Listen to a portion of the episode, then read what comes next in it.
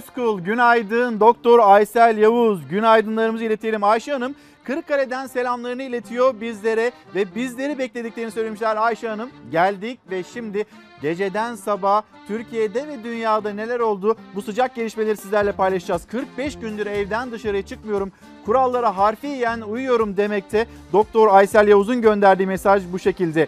Mümine Hanım günaydın. Bizim için sadece Fox var demekte. Sağ olun çok teşekkürler. Belki hani bu zor günler bir yandan biz olup bitenleri anlatıyoruz. Bu zor günler geçecek ve hani her programın sonunda bir cümlemiz var ya ve programı da o şekilde tamamlıyoruz ya. Bizi izlediğiniz için teşekkür ederiz diyoruz ya. Şimdi o cümlemizi aslında programın sonuna bırakmayalım. Bizi izlediğiniz için, bize inandığınız için, bize güvendiğiniz için, bizi doğru haberin adresi olarak gördüğünüz ve işaretlediğiniz için biz aslında izleyicilerimize çok ama çok teşekkür ederiz. Bugün 18 Nisan 2020 ve bu yeni günde ve Çalar Saat hafta sonu programında da bizleri yine yalnız bırakmayacağınızı, doğru haberi takip edeceğinizi çok ama çok iyi biliyoruz. Ve dileğimiz her zamanki gibi güzel bir gün olması sizlerden mesajlar gelecek. Elimizden geldiğince o mesajlara bakacağız. İstanbul, İstanbul'un çeşitli yerleri mesela e, Şirin Evler'e gideceğiz. Şirin Evler'de bizi Ali Onur Tosun bekliyor olacak. Ali Onur Tosun hani yeniden hafta başında Cumhurbaşkanı Erdoğan tarafından söylenmişti, açıklanmıştı. Sokağa çıkma yasağı, sokağa çıkma yasağına uyuluyor mu? Polisler şu anda alınan tedbirler ne? Ali Onur Tosun İstanbul'un en sıkışık belki de öyle adlandırmak gerekecek noktalarından birisi Şirin Evler. Şirin Evler'de bekliyor. Normal zamanda elbette sokağa çıkma yasağının olduğu dönemlerden bahsetmiyoruz. Şu anda orada da durum ne onu bizimle paylaşacak. Şimdi bir isterseniz hani genelge dün gece yarısı itibariyle hayatımıza girdi. Hafta sonu 30 il artı Zonguldak şehrinde sokağa çıkma yasağı ilan edildi bir kez daha. Şimdi o yasak, o genelge, istisnalar neleri içeriyor? Bir paylaşalım, devam edelim. Marketler bugün 21'e kadar açık. Alışverişinizi lütfen son ana bırakmayın.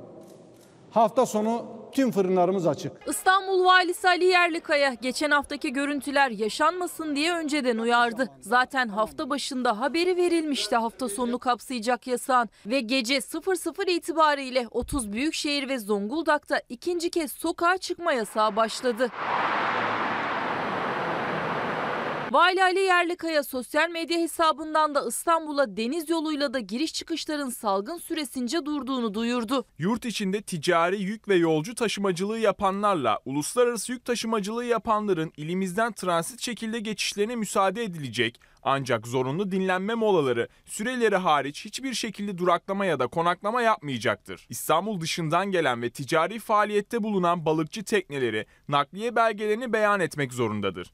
Personel kesinlikle tekne dışına çıkamayacaktır ve liman içine giremeyecektir. 48 saat sürecek sokağa çıkma yasağı süresince fırınlar açık olacak. Su satan bayiler de açık. Gazete dağıtımları yapılacak. Sağlık, güvenlik, temizlik görevlileri, basın mensupları çalışmalarına devam edecek. Üretimin devam ettiği fabrikalar açık olacak. Haliyle en çok merak edilen de toplu taşıma. İstanbul'da metrobüsler sabah 6 ile 10 arasında, akşamsa 16 ile 20 arasında çalışacak. Otobüs, metro, şehir hatları ve tramvayların bir kısmı da yine sadece sabah ve akşam belirli saatler arasında hizmet verecek. Denetimlerse durmadan devam edecek.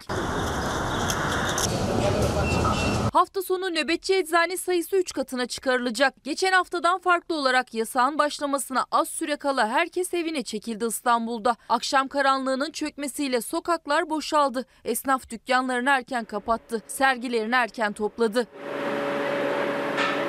İstanbul'un en kalabalık meydanları, yolları sessizliğe büründü. Polisler denetim için sokaktaydı. Yasak istisnaları içinde olmayan ya da geçerli izni bulunmayanlara ceza yazdı. Yasak cuma gecesi 23.59'da sona erecek ama Sağlık Bakanı Fahrettin Koca da sokağa çıkma yasağının sadece bu haftayla sınırlı kalamayabileceğinin sinyalini verdi. 23 Nisan'la ilgili de bu anlamda gündeme gelmedi. Zannediyorum yine haftaya e, gündem olabilir. Selahattin Karakoç bizlere Erciyes Dağı'nın eteklerinden Kayseri'den günaydın diyor. Siz bizi nereden izliyorsunuz? Nereden günaydın diyorsunuz? Ve gündeminizde ne var? Lütfen yazıp gönderin. Ayşe Rızaoğlu günaydınlar. Bizler halk olarak maske takmayı, sosyal mesafeyi maalesef bilmiyoruz. Bunu bizim öğrenmemiz gerekiyor demekte. Bunu bir kez daha konuşalım isterseniz bugün e, bilim kurulu üyesi Profesör Doktor Alpay Azap ve bu süreçte en çok isminden söz ettiğimiz hani düşüncelerine, görüşlerine, önerilerine, tedavi sürecine dikkat kesildiğimiz isimleri isimlerden birisi Alpay Azap. Kendisini burada ağırlayacağız. Aynı zamanda bir meslektaşımız ve büyüğümüz e, Çok Gezenti programının e, sunucusu Burak Akkul 20 gün yoğun bakımda kaldı ve bu virüsle mücadeleyi kazandı. Alkışlarla hastaneden taburcu edildi. O yoğun bakım sürecini, bu tedavi sürecini bizlerle paylaşacak. İyileşeceğiz. Bugünkü başlığımız iyileşeceğiz. Lütfen bu başlık altında sizler de görüşlerinizi, düşüncelerinizi bizlerle paylaşın. Şimdi biraz da böyle gazetelere bakalım istiyoruz. Hürriyet gazetesi, Hürriyet gazetesinden seçtiğim iki detay var. Ama önce bir manşete bakalım. Dün kameraların karşısına geçti. Sağlık Bakanı Fahrettin Koca. Fahrettin Koca'nın açıklamaları içinde kuşkusuz en fazla dikkat çeken cümle ne zaman pik yapacak? Ya da en çok merak edilen ne zaman bir biz bu virüsten kurtulacağız? İşte hava güzel. İşte bahar ayı, bahar aylarının tadını ne zaman çıkartacağız? Önümüzde mi o yakın zamanda mı büyük baharı biz kucaklayacağız demişti Sağlık Bakanı. Ne kadar yakınız diye. Şimdi o cümlelerini de paylaşacağız. Ama önce Hürriyet Gazetesi'nin dikkat çektiği e, o manşet ve açıklamalar Hürriyet Gazetesi'nden sizlerle de paylaşmış olalım. 7 hafta hesabı yaklaşık 1,5 aylık bir hesap yapılıyor. Ama bu hesabı kuşkusuz biz bir dalgalanma olmazsa yine bir hata yapılmazsa ya da yeni bir hata yapılmazsa bu şerhleri koyarak ilerlememiz gerekiyor ve 7 haftanın sonunda Mayıs'ın sonu Haziran ayının başında biz bu virüsten kurtulabiliriz denilmekte. Yeni bir dalgalanma olmazsa tabii. 2 haftaya 2 haftaya zirveyi göreceğiz dedi Sağlık Bakanı. 2 hafta yatay seyir izledikten sonra 3 hafta içinde inişe geçecek bir platodan bahsediliyor ve sonrasında biz Haziran ayının başında bu virüs salgınından kurtulabiliriz. Evlerden dışarıya çıkabiliriz, başımızı uzatabiliriz ama bu süreç zarfında bizim kesinlikle ama kesinlikle dışarı çıkmamamız gerekiyor. Evde kalmamız ve izole olmamız gerekiyor. Ne kadar başarabilirsek maske takmamız gerekiyor. 3 adım kuralına uymamız gerekiyor. Şimdi yeniden bir İstanbul'a dönelim. Şirin Evler'e gideceğiz. Ali Onur Tosun bize Şirin Evler'deki son durumu anlatacak. Ben de e, Fox büromuzun çatısından Ankara'yı anlatacağım. Kızılay'ı anlatacağım. Bir yoğunluk var mı yok mu? Bunları paylaşacağım sizlerle. Ama önce İstanbul o yasak sokağa çıkma yasağı devreye girdikten sonra alınan tedbirler, önlemler bir paylaşalım. Sonra Şirin Evler'e gidelim.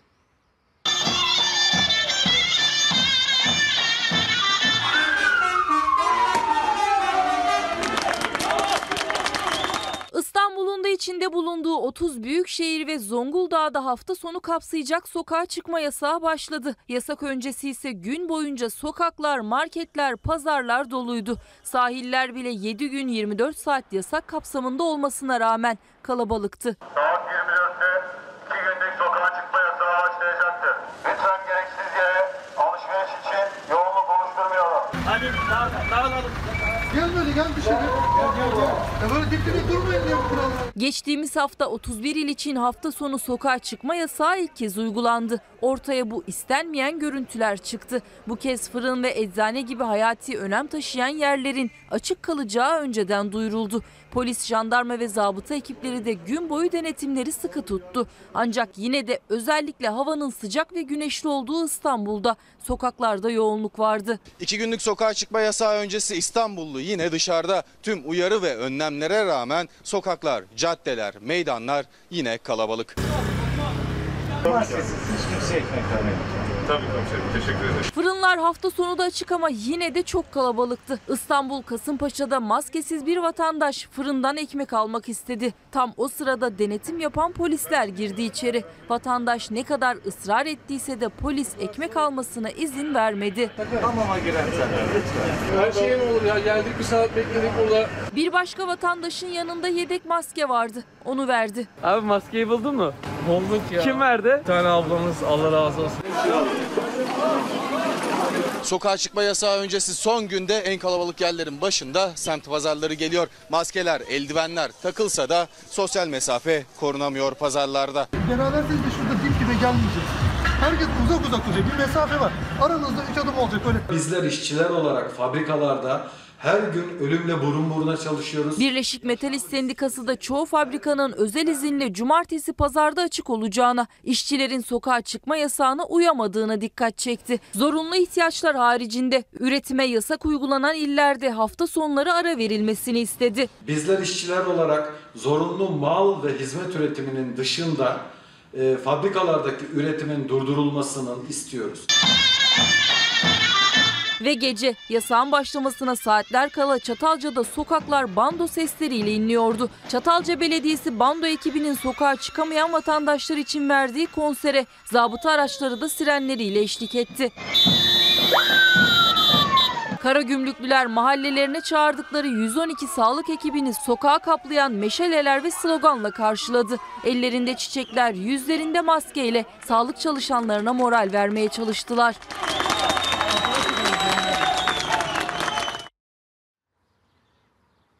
Yasak dün gece başladı. Yarın gece 23.59'da pazar gecesi 23.59'da da sona erecek. Şimdi hemen bir kameralarımızı çevirdiğimiz yer İstanbul Şirin Evler. Ali Onur Tosun Fox Haber Merkezi'nden bizleri orada bekliyor. Ee, Onur'um günaydın. Ee, seni dinleyeceğiz. Senden bekliyoruz. Oradaki notları bizimle paylaşır mısın? Günaydın İlker Karagöz. Şirin Evler üst geçitteyiz. İstanbullular bilecektir. İstanbul'un sabah saatlerinde en yoğun noktalarından birisi olur burası. Gerek üst geçitin üstündeki yaya trafiği gerek ka- karayolundaki araç trafiği. Burada neredeyse adım atmak imkansızdır. Çünkü burada hem metro istasyonu var hem minibüs durakları var hem de metro istasyonu var. O yüzden burası İstanbul'un ulaşımının kalbi diyebileceğimiz bir nokta. Acayip kalabalık olan bir nokta burası normal şartlarda ama sokağa çıkma yasağı olduğu için bugün o kadar bir kalabalık göremiyoruz. Aslında gördüğümüz insanlar da buradaki vatandaşlar da polisler, sağlık çalışanları ve bugün çalışabilecek olanlar, izni olanlar, yasaktan muaf olanlar onlar bugün buradaydı ama yine çok bir yoğunluk yoktu. Otobüslere bindiler, metrobüse bindiler ve gidecekleri yerlere gitmeye başladılar.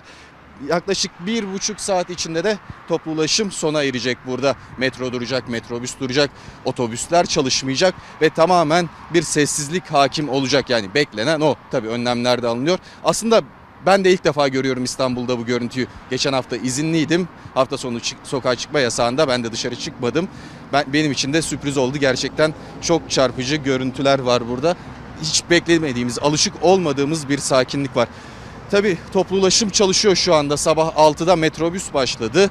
7'de metro ve otobüsler başladı seferlerine. Tramvaylar başladı, şehir hatları başladı. Saat 10'a kadar devam edecek. Kimler sokağa çıkabiliyor? çıkabiliyor? Sağlık çalışanları başta olmak üzere polisler, kamu görevlileri ve güvenlikçiler. En başta onlar sokağa çıkabiliyor ve fırınlar da açık olacak bu süre zarfında sokağa çıkma yasağı boyunca. Bunları aktaralım size buradan. Buradaki sakinlik devam ediyor diyelim ve sözü yine size bırakalım. Ali Onur Tosun teşekkürler. Şirin Evler'den bağlantımızı gerçekleştirdik. Şimdi İstanbul'da Ali Onur Tosun farklı bir noktaya gidecek. Belki Beşiktaş belki yine böyle hani normal bir günde kalabalık olan bir adresten bizlere oradaki durumu, bilgiyi verecek. Şimdi Ali Onur Tosun İstanbul'u anlattı, Şirin Evler'i anlattı. Ben de şimdi hemen sizlere bir Kızılay'ı göstereyim. Fox e, Ankara büromuzun çatısından şöyle bir Kızılay'ı göstereyim. Bu haftaki sakinlik nasıl diye soracak olursanız geçen hafta ne kadar sakindi ise bu haftanın ondan daha sakin olduğunun bilgisini paylaşabiliriz. Evet polisler var, e, evet sağlık çalışanları var. Onlar mesaiye gitmeye çalışıyorlar. Onun bilgisini çünkü istisna içindeler, o kapsam içindeler. Bunun bilgisini bir kez daha vermiş olalım, altını çizmiş olalım. E, yine toplu taşıma araçları var, onlar çalışıyor. Polisler eğer vatandaşların hani sokakta olduğunu gördüğü kişiler, araçlar varsa neden sokakta olduklarını, bir izinin e, olup olmadığını kendilerinde bunları hepsini sormakta. Şimdi Ankara'da tablo bu şekilde daha sakin bir gün olduğunu geçtiğimiz haftaya e, oranla bu haftanın daha sakin olduğunu yine söyleyelim. Sokağa çıkma yasağı var. Hani herkes şunu merak ediyor. Acaba uzar mı? Hani pazar günü denildi, 23.59'da bitecek denildi. Pazartesi olur mu? E, Salı, çarşamba böyle devam eder mi? Mi? E, hayır böyle bir açıklama yok. İçişleri Bakanlığı'nın yaptığı açıklamada çok net bir şekilde yarın saat 23.59'da bu yasak bitecek. Şimdi bir izleyicimiz hani bize günaydın diyen izleyicilerimiz var. E, memleketin çeşitli yerlerinden noktalarından günaydın diyen izleyicilerimiz var. Bizler de kendilerine günaydınlarımızı iletelim. Bol konuklu bir yayın gerçekleştireceğiz. Fox Haber'i izliyoruz. Fox Haber'i seviyoruz. Fox Haber'e güveniyoruz diyen izleyicilerimiz var. Çok sağ olun. Çok teşekkür ederiz. Ve biz her zaman şunu söylüyoruz. Siz iyi ki varsınız. Siz Fox Haber'e güveniyorsunuz ve bizi takip ediyorsunuz. Siz iyi ki varsınız. Bunu bir kez daha söylemiş olalım. Kimse hani iyileşeceğiz deniliyor ama bu sokağa çıkma yasakları iki gün iki gün yapılıyor taksit taksit. Acaba doğru mu? Doğru mu değil mi? Mesela bilim kurulunda önemli bir isim Profesör Doktor Alpay Azap kendisine birazdan bu soruyu yönelteceğiz. Yani daha uzun süreli bir sokağa çıkma yasağı mı olmalı? Biz bu virüsü net bir şekilde yenebilelim diye Haziran'ın başını böyle belki de Mayıs'ın ortalarına çekebilmek için. Yoksa şu anda izlenilen strateji doğru mu? Aynı zamanda Sağlık Bakanı Fahrettin Koca elbette bizi mutlu ediyor, memnun ediyor o umut veren tabloların açıklanıyor olması. O tabloları bir kez daha böyle virüsün seyrini bir kez daha kendisine soracağız. Yine başka başka konuklarımız, misafirlerimiz de olacak diyelim. Şimdi e, devam edeceğiz. Gazetelere geçiş yapalım. Gazete Pencere, Gazete Pencere'den seçtiğimiz 3 haber var. O haberlerden ilki yurt dışından gelecek olan ve hatta gelmeye başlayan 25 bin kişiyle ilgili. Gazete Pencere'nin dikkat çektiği konu şu. Bu sefer umreciler gibi olmasın. Erdoğan'ın talimatıyla yurt dışından gelecek yaklaşık 25 bin Türk vatandaşı 62 ildeki yurtlarda 14 gün misafir edilecek. Umrecilerde yaşanan sıkıntıların oluşmaması için önlemler alınacak. Önlemlerin alınması gerektiğine dikkat çekiyor gazete. E, gelmeye başlayan e, vatandaşlarımız oldu. Zafer Havalimanı'nda inen vatandaşlarımız oldu. Birazdan hani yurt turuna çıkartacağız memleketten korona manzaraları biz hani ajansların geçtiği şekliyle sizlerle paylaşacağız. Ama aynı zamanda sizin gördüğünüz, sizin tanık olduğunuz konular, bilgiler varsa lütfen bizimle paylaşın. İlker Karagöz Fox Instagram adresim, Karagöz İlker Twitter adresim. Buradan bizlere ulaşabilirsiniz. Gelelim gazete pencerenin ikinci detayına ki bu konu en başından beri aslında bu sürecin en başından beri çokça konuşuluyor, çokça tartışılıyor. Belediyeler, belediyelerin başlattıkları bağış kampanyası, sonrasında İçişleri Bakanlığı'ndan yapılan açıklama, Cumhurbaşkanı Erdoğan'dan gelen açıklama, devlet içinde devlet olmaz cümleleri, o bağış hesaplarının bloke edilmesi, bazı şehirlerde aşevlerinin kapatılması, buralara bağış toplayamazsınız deniliyor olması ve soruşturmaların açılması. İstanbul Büyükşehir Belediyesi ile Ankara Büyükşehir Belediyesi'ne soruşturma açıldı. Bu bağışlar nedeniyle, bağış hesapları nedeniyle Belediyeler bağış toplayabilir mi, toplayamaz mı? Kanuna, mevzuatlara bakılacak. Bunu da birazdan Sözcü Gazetesi yazarı Deniz Zeyrek konuşacağız. Şimdi gidelim bir İzmir'e. İzmir Büyükşehir Belediye Başkanı Tunç Soyer ne demekte? Korona ne AKP tanıyor ne de CHP. İzmir Büyükşehir Belediye Başkanı Tunç Soyer İstanbul ve Ankara Belediye Başkanlarına soruşturma açılması hakkında korona ne AKP tanıyor ne CHP daha ne kadar dayak yememiz lazım? Elbet sonunda herkesin ayağı yere basacak. El ele verelim denilecek denildi kendisi tarafından e, Tunç Soyer tarafından e, kurulan cümleler bu şekilde. Şimdi sıradaki haberimiz Hüseyin sıradaki haberimizi biz bu arada hazırlıyor olalım ama yine gazete pencerenin 3. detayını da paylaşalım. Bugün bilim kurulundan bir misafir ağırlayacağız ve Sağlık Bakanı Fahrettin Koca'nın dikkat çektiği konu. Eğer bir dalgalanma olmazsa biz 10 gün sonra o piki göreceğiz demekte. İsterseniz bir açıklamasına bakalım Sağlık Bakanı'nın ne kadarlık bir süreden takvimden söz ediliyor. Sonrasında bir uyarı yine bir profesörün deneyimli bir ismin uyarısını paylaşayım. Şu an rakamları hepimiz biliyoruz. Ve bu rakamlarla geldiğimiz durumu da hepimiz net biliyoruz. Ve şunu söylüyoruz. Önümüzdeki günler, önümüzdeki bir hafta, on gün içerisinde bir pik noktasına erişebileceğimizi görüyoruz. Devamında ortalama dünya örneklerinden yani Çin, e, Güney Kore ve benzer ülkelerden edindiğimiz tecrübeyle iki haftalık bir plato döneminin olacağını biliyoruz. De ve devamında 2-3 hafta içerisinde düşeceğini biliyoruz. Ama bütün bunlar altını çiziyorum. Bizi asla rahatlatmamalı, tedbiri elden bırakmamalıyız. Yeni bir dalgaya asla izin vermemeliyiz. Tedbiri elden bırakmamamız gerekiyor. Bir hesap yapıldı. İşte Hürriyet gazetesinin manşetinde var. Sağlık Bakanı'nın cümleleri 7 hafta diyebilirsiniz. 1,5 e, aylık bir süreçten bahsedebilirsiniz. Ama bizim bu süreçte kesinlikle tedbiri elden bırakmamamız gerekiyor. Bir dalgalanma olmazsa o dalgalanma hani neden bahsediliyor bu da- dalgalanma denilirken? Geçtiğimiz hafta hani aniden böyle saat 21.45'te sokağa çıkma yasağı ilan edilmişti ve insanlar sokağa dökülmüştü ya.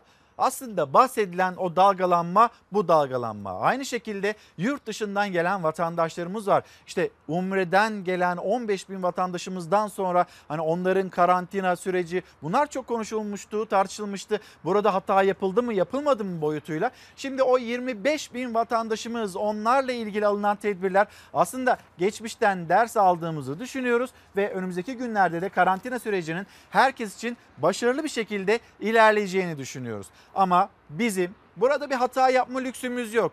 İzolasyona dikkat etmemiz gerekiyor. Gelelim şimdi gazete pencerenin 3. detayına. Salgında yeni bir dalga gelebilir ve bu açıklama Profesör Doktor Mehmet Ceylan'a ait. Salgın kontrol altına alındıktan sonra evde izole kaldıkları için bağışıklık kazanamayan kişilerin risk altında olduğunu söyledi. Bir yandan da tabii bunu biz Profesör Doktor Alpay Azap'a soracağız. Alpay Azap'a hani böyle bir kez virüsü kapan kişi ikinci kez bu virüsle karşı karşıya kalır mı kalmaz mı? Yine kendisiyle konuşmak değerlendirmek istiyoruz. Ama salgında yeni bir dalga gelecekse evde kendisini izole edenler üzerinden gelebileceğine dikkat çekiyor Profesör Doktor Mehmet Ceyhan. Bu arada Sağlıkçı arkadaşlarımız da yazıyor, büyüklerimiz var. Onlar da yazıyorlar. Bizler sokaktayız, iş yerlerimize gittik ya da iş yerlerine gitmeye çalışıyoruz. Geçtiğimiz hafta aslında her şey aynı hafta içinde oldu. Sokağa çıkma yasağı, o sokağa çıkma yasağı ile ilgili İçişleri Bakanı'nın öngöremedim açıklaması, öngöremedim açıklamasından sonra istifası, istifasının Cumhurbaşkanı Erdoğan tarafından kabul edilmemesi. Ama bir yandan da sağlık çalışanları, sağlık çalışanlarının yoğun bakımdaki inanılmaz mücadelesi Reuters'ın görüntüleriydi. Sonra evlerine 25 gün sonra gidebilen sağlık çalışanları, sağlık çalışanlarının çocukları, çocuklarının gözyaşları, hıçkırıkları onların hepsi bir hafta içinde, aynı hafta içinde oldu. Ama sağlık çalışanları ve çocuklarının yaşadığı hasret, özlem, yaşadığı sıkıntılar siyaset ve siyasetin polemikleri kadar ne yazık ki manşette kalamadı. Sürprizi gördün mü? Annem niye ağlıyorsun? Hıçkıra hıçkıra gözyaşlarıyla karşıladığı haftalardır sarılmak, kokusunu duymak istediğiydi. Annesiydi ama 6 yaşındaki bir çocuk Öykü nasıl tarif edebilirdi ki hasreti, özlemi, kavuşmayı, ne hissettiğini, mutluluğunu ve duygularını ancak sevgi dolu bir kalp söyleyebilirdi. Hadi artık mutlu ol kızım. Bak annen geldi. Biraz daha dursa ikimiz azıcık kız kızı vakit geçirelim. Mutluydu ama şaşkın da aynı zamanda. Annesi günlerdir neden evde değil? Kucağından indirmeyen, öpmelere doyamayan babası 3,5 yaşındaki Elif Zümra'ya neden sarılmıyor? Neden korkuyor? Baba ben seni çok seviyorum. Tamam ben de seni seviyorum ama ben sana sarılırsam ne olur sen de hasta olursun. Sonra annene bulaşır. Sonra dedene bulaşır. Özge Koçak Karaman Devlet Hastanesi'nde veri giriş personeli. Öyküsü dedesinin yanında. Bir aydır hem de. Virüs sevdiklerine bulaşmasın diye. Abdülkadir Ateş Kahramanmaraş'ta yoğun bakım hemşiresi. O da ancak 25 gün sonra evine uğrayabildi. Ama baba her gün her gün ben seni çok seviyorum. Çok çok. Tamam. Baba. Tamam biraz daha idare edersen, birkaç gün daha idare edersen bitecek bunlar tamam mı? İki çocuk, iki büyük kalp aslında bütün sağlık çalışanlarının evindeki özlemi anlattı bize. Evet endişelerimiz var. Ee, ailelerimize bulaştırmaktan çok korkuyoruz. Kimimiz ailelerimizden uzakta kalıyor. Kimimiz geçirdik, ben de geçirdim e, koronavirüsü. Sonra iyileştik, tekrar görevimizin başına geldik. Reuters çekti bu görüntüleri de. Özel kıyafetler, eldivenler, maskeler, gözlükler. İlk kez gördük yoğun bakımı. Bu savaş sahasını ilk kez gördük. Ama gündem hızlı tüketti ve gerilere itti sağlıkçıların amansız mücadelesini. Hepsi bu hafta oldu. Fakat çabaları gülüşleri, evde bekleyenlerinin özlemi, siyaset ve polemikleri kadar manşette kalamadı. Ama yine de kokun hala kokuyor. Hmm. Koklayamadın mı doğru düzgün? Sözcü gazetesi yazarı Deniz Zeyrek şu anda yayınımızda. Konuşmak istediğimiz konu bugün aslında Sözcü gazetesinin de manşetinde yer alan konu. Deniz abi günaydın. Günaydın. Hoş geldin. Hoş bulduk. Önce okuyalım mı? Tabii, Ee, önce tabii, bir haberimizi olur. okuyalım Sözcü gazetesinden. Halka neden yardım ettiniz soruşturması. İstanbul Büyükşehir Belediye Başkanı Ekrem İmamoğlu'yla Ankara Büyükşehir Belediye Başkanı Mansur Yavaş'a bir soruşturma, onların hakkında bir soruşturma başlatıldı. Koronavirüs önlemlerinden etkilenen halka yardım için bağış kampanyaları başlatan CHP'li iki başkan hakkında bakanlığın soruşturma açtığının ortaya çıktığı haberi Sözcü gazetesinin manşeti. Aslında hani burada birazdan da bir misafir ağırlayacağız. Kendisi hem hukukçu hem ekonomi doktoru, siyasetin şu anda böyle dışarısında belki ama Türkiye'deki dünyadaki gelişmeleri dikkatle takip ediyor. Devlet aklı, devlet aklı nasıl işler birazdan Oktay Vural'dan dinleyeceğiz ama bunu bir konuşalım istiyorum Deniz abi. Burada hani nasıl işler devlet aklı aslında? Hiçbir iyilik cezasız kalmaz. Devletin sloganı bu. Yani baktığın zaman e, iyilik varsa ortada ceza da var. Normalde suç ve ceza ikilisi vardır ama burada iyilik ve ceza var. E, gerçekten üzülüyorum.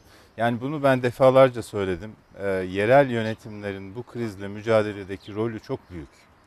Ya bu AK Parti CHP meselesi de değil. İşte geçen hafta yayından sonra Tevfik Göksu ile sohbet ettik. Esenler Belediye Başkanı AK Partili. Neredeyse çocukluğundan beri AK Parti'de. Anlattı nasıl mücadele ettiklerini. Her evdeki korona pozitif çıkan insanı tanıyoruz, biliyoruz diyor.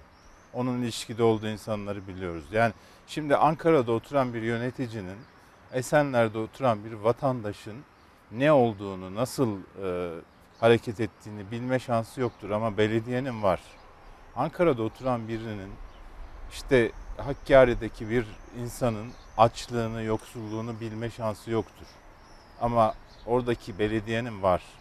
Dolayısıyla yerel yönetimlerin insanlara yardım etmek için doğrudan harekete geçmesini engelleyen zihniyet doğru bir devlet aklı değildir. Bunu kesinlikle söyleyeyim.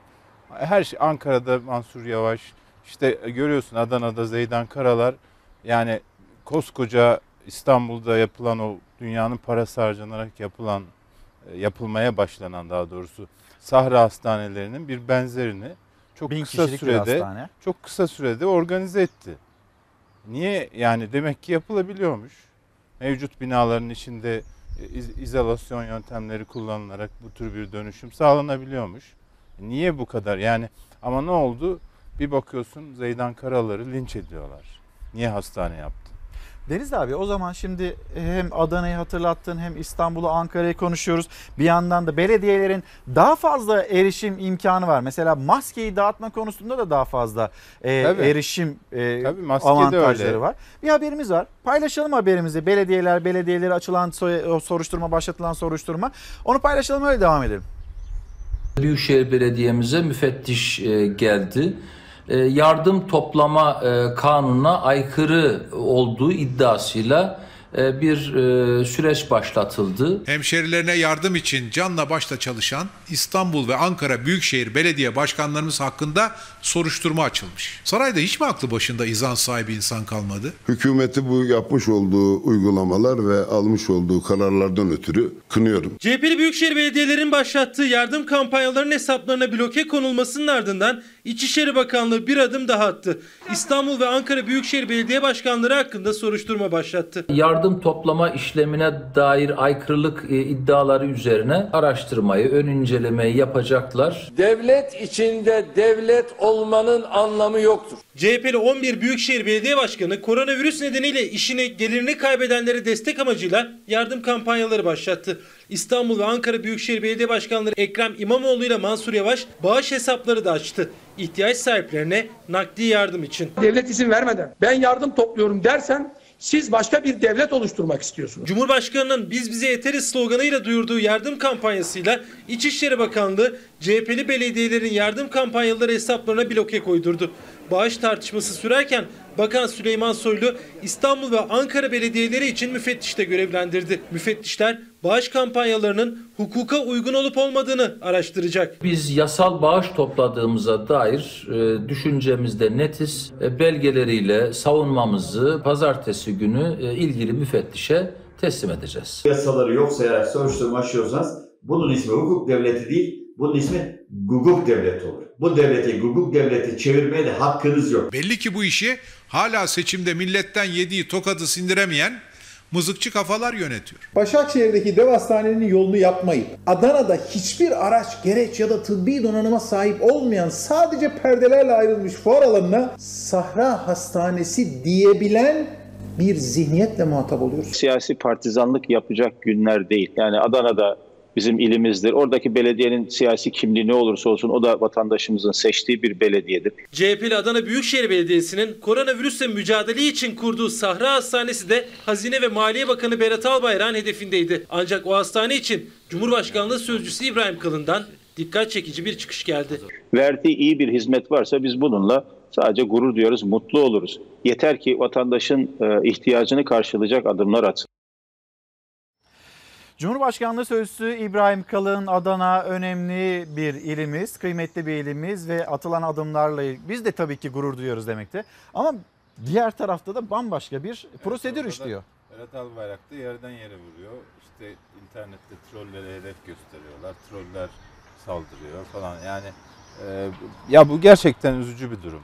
Yani hükümet şu anda bir değişik bir moda girmiş. Yani e, hepimiz bir olalım, işte Covid'le birlikte mücadele edelim vesaire gibi mesajlar veriliyor ama uygulamaya baktığın zaman e, böyle şöyle bir durum var yani bırakın işte biz bu işten zaferle çıkacaksak da tek başımıza göğüsledik, tek başımıza yaptık e, mesajı vermek istiyoruz gibi bir, bir hava var. Yani çok sağlıksız bir yaklaşım bu. Ama öyle Yani- olmuyor ki. Yani tek başına da bir şey başarmak mümkün mü? Yani o belediye Yunanistan'ın belediyesi mi? Yani ben anlamıyorum ki Ankara Büyükşehir Belediyesi işte e, Bulgaristan'ın belediyesi mi? Yok ya bu ülkenin bu bu milletin oylarıyla seçilmiş insanlar bunlar. Yani bunu hiçbir zaman unutmamak lazım. Burada Ankara'da yaşayanlar Mansur Yavaş'a oy vermişler 5 seneliğine bizim Ankara Büyükşehir Belediyesi'ni sen yönet diye. Bu bir devletin bir organıdır aynı zamanda. Yani niye bunu desteklemek yerine köstek oluyorlar? Ben doğrusunu istersen anlamıyorum. Niye niye yani ne gerek var? Hani bu şu şunu yapmaları lazım. Ya kardeşim bak şu haberler geliyor. Bir sürü arkadaşımız var. Biz uzayda yaşamıyoruz, Mars'ta yaşamıyoruz. Gazeteciyiz ama biz de insanların içinde yaşıyoruz ve sosyal çevremiz de var.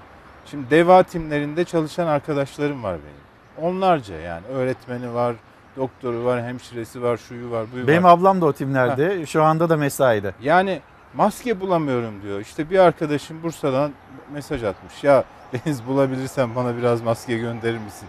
Biz deva timleri olarak istedik. Ee, henüz gelmedi. Burada Ankara'da yine bir arkadaşım var. Ee, yani kendimi parçalıyorum insanlara hizmet götürebilmek için.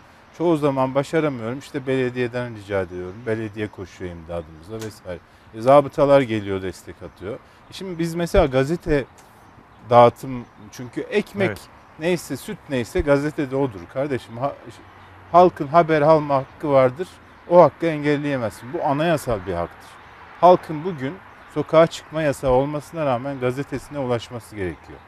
Geçen Ya- hafta bu organize edilememişti. Ama Şimdi bu hafta edilemedi. Şu an bu- Edilemedi. bu hafta nedir durum? Edilemedi. Yani işte birkaç gazete hani zaten tek bir dağıtım şirketi var. Şu anda şu mahallede gördüğün insanlar çıktı. Nereden gazete alacaklarını bilmiyorlar. Yani gizli saklı bir takım organizasyonlar yapıldı. Herkes başının çaresine baksın. E şimdi belediye zabıtası zaten ekmek dağıtıyor. Deva timleri işte kapılara kadar gidiyor. Yanlarına gazete verseniz, insanların talep ettiği gazeteyi de ekmeğin yanına koysanız, o insanlara ulaştırsalar ne kaybederiz? Yani öyle bir yaklaşım var ki bu olmasın, bu da olmasın. Aman ne gerek var? Ya böyle değil işte. Yani bu bu bir organizasyon meselesi. Ee, devlet aklı nasıl işler? Şimdi bunu konuştuk. Bir de bunu hani yıllarca siyasetin içinde yer almış bir isme e, soralım. Oktay Vural'a. Oktay Vural'ın bu arada ben kitabında göstereyim. kendisini bu arada. Evet yani Gerçekten ben mecliste gidip Muhalefet şeklini, e, üslubunu- muhalefetin ötesinde siyasetçilerle e, gazeteciler arasında e, böyle hani çok dostluk ilişkisi de olur vesaire ama entelektüel sohbetlerin olduğu bir ortam vardı geçmişte. E, o, Oktay Bey'in odasına gider, e, Muharrem abinin de kulaklarını çınlatayım Muharrem Sarıkaya'nın. Sohbet ederdik biz meclisteyken. Gerçekten insan bu tür şeyleri unutuyor. Yani siyasetçilerin e, bakış açısı farklı işte. Geçen Gürcan Dağdaş'la da konuştuk. Yani onların vizyonu biraz daha böyle... Eğer Gürcan Bey müsait olabilirse aslında önümüzdeki hafta da yine hani akil bir devlet adamını önümüzdeki hafta burada ağırlayalım.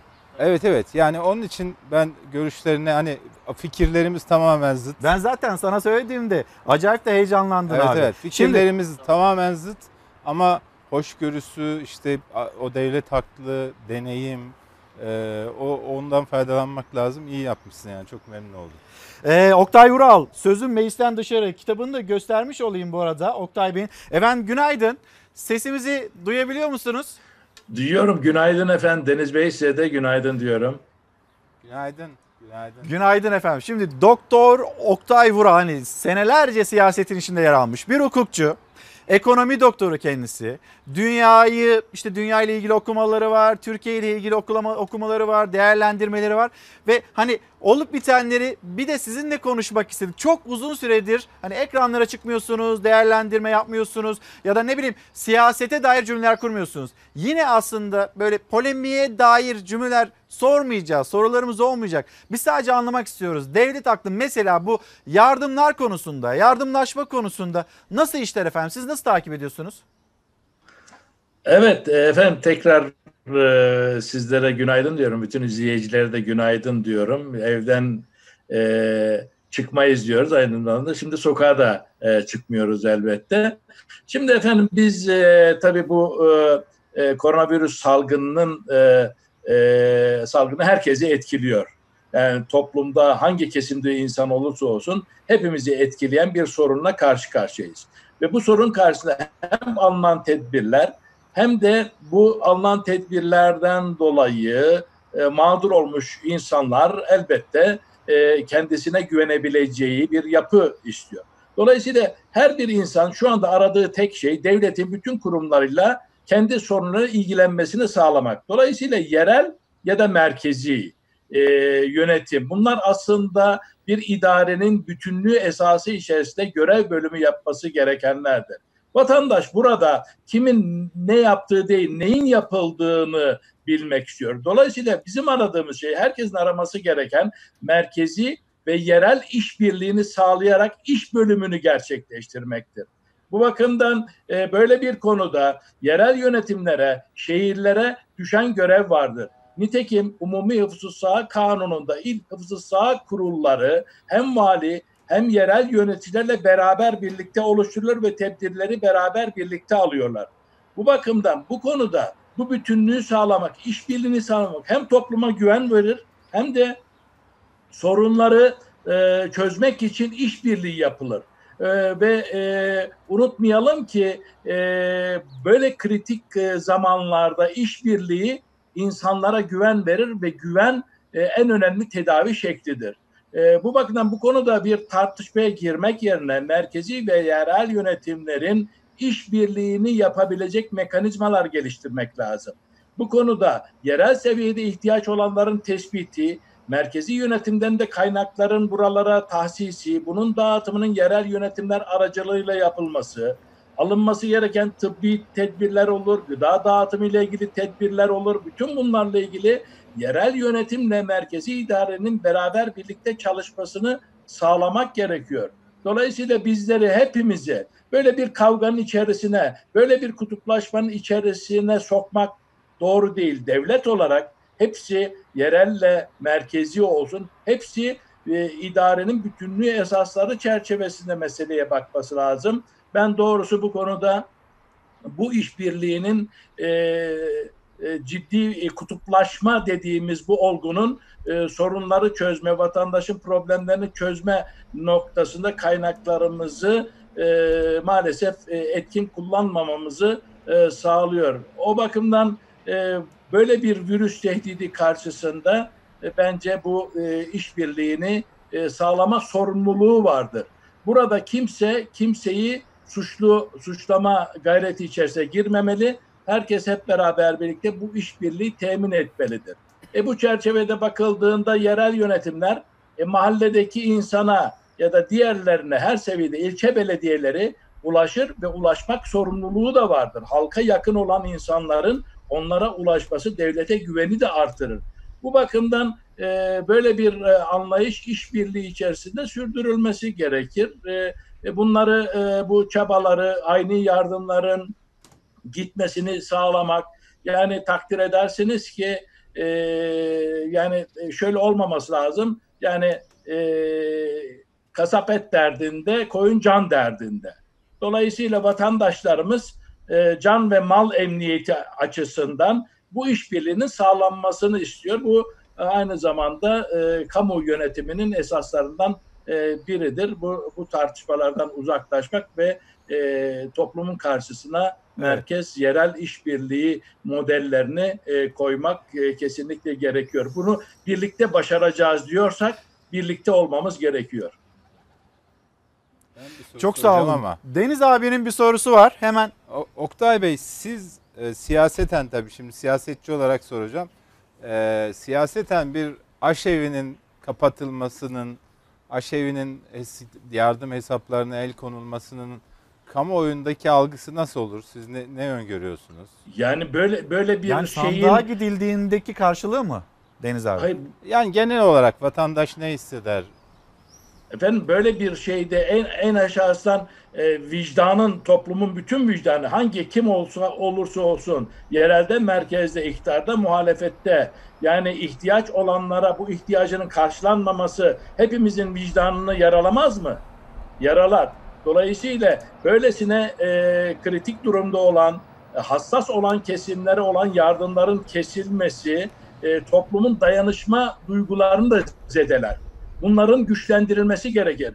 Bugün evde kalan insanlar nasıl devletin e, bu konuda alacağı tedbirlere destek oluyorsa, yani bir milli mücadele anlayışı içerisinde evde kalan, sokağa çıkmayan insanlar destek arıyorsa aynı zamanda e, günlük aşına ulaşmak isteyen e, vatandaşlarımıza e, ulaşmasını e, temin etmek de e, aynı zamanda bir milli görevdir. Bunu e, kesmenin bir anlamı yok. Bu, bu bakımdan bugün bizim en önemli gücümüz ki birçok Batı ülkesinde e, bu e, yani e, aşırı bir e, bireyselciliğin toplumsal dayanışmayı zorlaştırdığı bir ortamda bizim insanlarımızın bu toplumsal dayanışma ve bilinç içerisinde beraber birlikte hareket etme kabiliyeti yüksek iken böyle bir dayanışma varken bizim vicdanlarımızı hepimizin vicdanını yaralayacak bir aşevine e, aşevinin kapatılması e, doğru bir davranış değildir. Bu bakımdan bu konu toplumun açıkçası e, milli ve manevi değerleri açısından da e, sorgulanır. Bunun sebebinin e, açıkçası e, ne olduğunu bilmiyorum ama e, o aşevine ihtiyaç varsa o aşevinde olan ihtiyaç içinde olan insanlarımız ne yiyecektir, ne içecektir sorusunu evde ekmeği olan insanlar bile sorar. Dolayısıyla vicdanı yaralamadan e, bu konuları e, çözmek ve bunun da toplumsal e, bedeli olduğunu da idrak etmek lazım. Efendim şimdi e, Ulaştırma eski bakanı bir devlet adamıyla konuşuyoruz. Sohbetimize de devam edeceğiz. Oktay Bey bir haberimiz var İzmir'den. Bu maskeler meselesini konuşmak istiyorum. Bir yandan da hem, hem Türkiye'yi takip ediyorsunuz hem dünyadaki o yayınlanmış olan makaleleri de takip ediyorsunuz. Böylesine bir salgın hani devlet aklıyla sosyolojik olarak psikolojik olarak, ekonomik olarak nasıl yönetilir ya da, ya da nasıl yönetilmeli bunu da sormak istiyoruz ama bir İzmir'e gidip geri gidip geri gelelim. Ayrıca İzmir tabii sizin de seçim bölgeniz, sizin memleketiniz. Evet. Metro istasyonunda belediyenin ulaşım kartıyla maske ve dezenfektanı ücretsiz alıyor İzmirliler. Kartlarımızı sisteme okutuyoruz bu şekilde. Kodlarını giriyorlar. Uygulamaya ilk olarak Konak metro istasyonundan başladı İzmir Büyükşehir Belediyesi. Hedef maskeye erişimi kolaylaştırmak, bulaşıcılığı en aza indirmek. Maskematikten ücretsiz faydalanmanın tek şartı belediyenin ulaşım kartını makineye okutmak. Makine her bir kişi için içerisinde 4 adet maske ve 1 adet el dezenfektanı olan paket veriyor. Ve bu paketi alan aynı kartla ancak 7 gün sonunda alabiliyor ikinci paketi.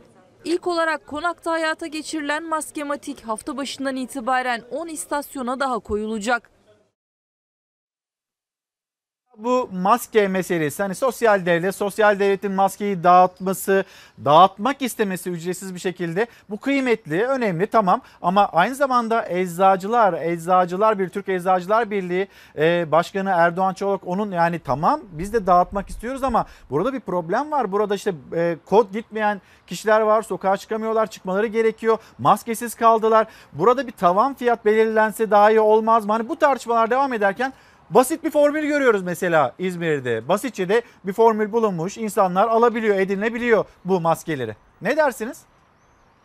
Evet, e, önce güzel İzmir'den esintiler, temiz yürekli İzmirlilere selam olsun. E, tabii yani bir maskematik tabii ulaşılabilirliği toplumun ne kadarına ulaşabilir bu maskematikte e, buna bakmak lazım. Bu bir örnektir.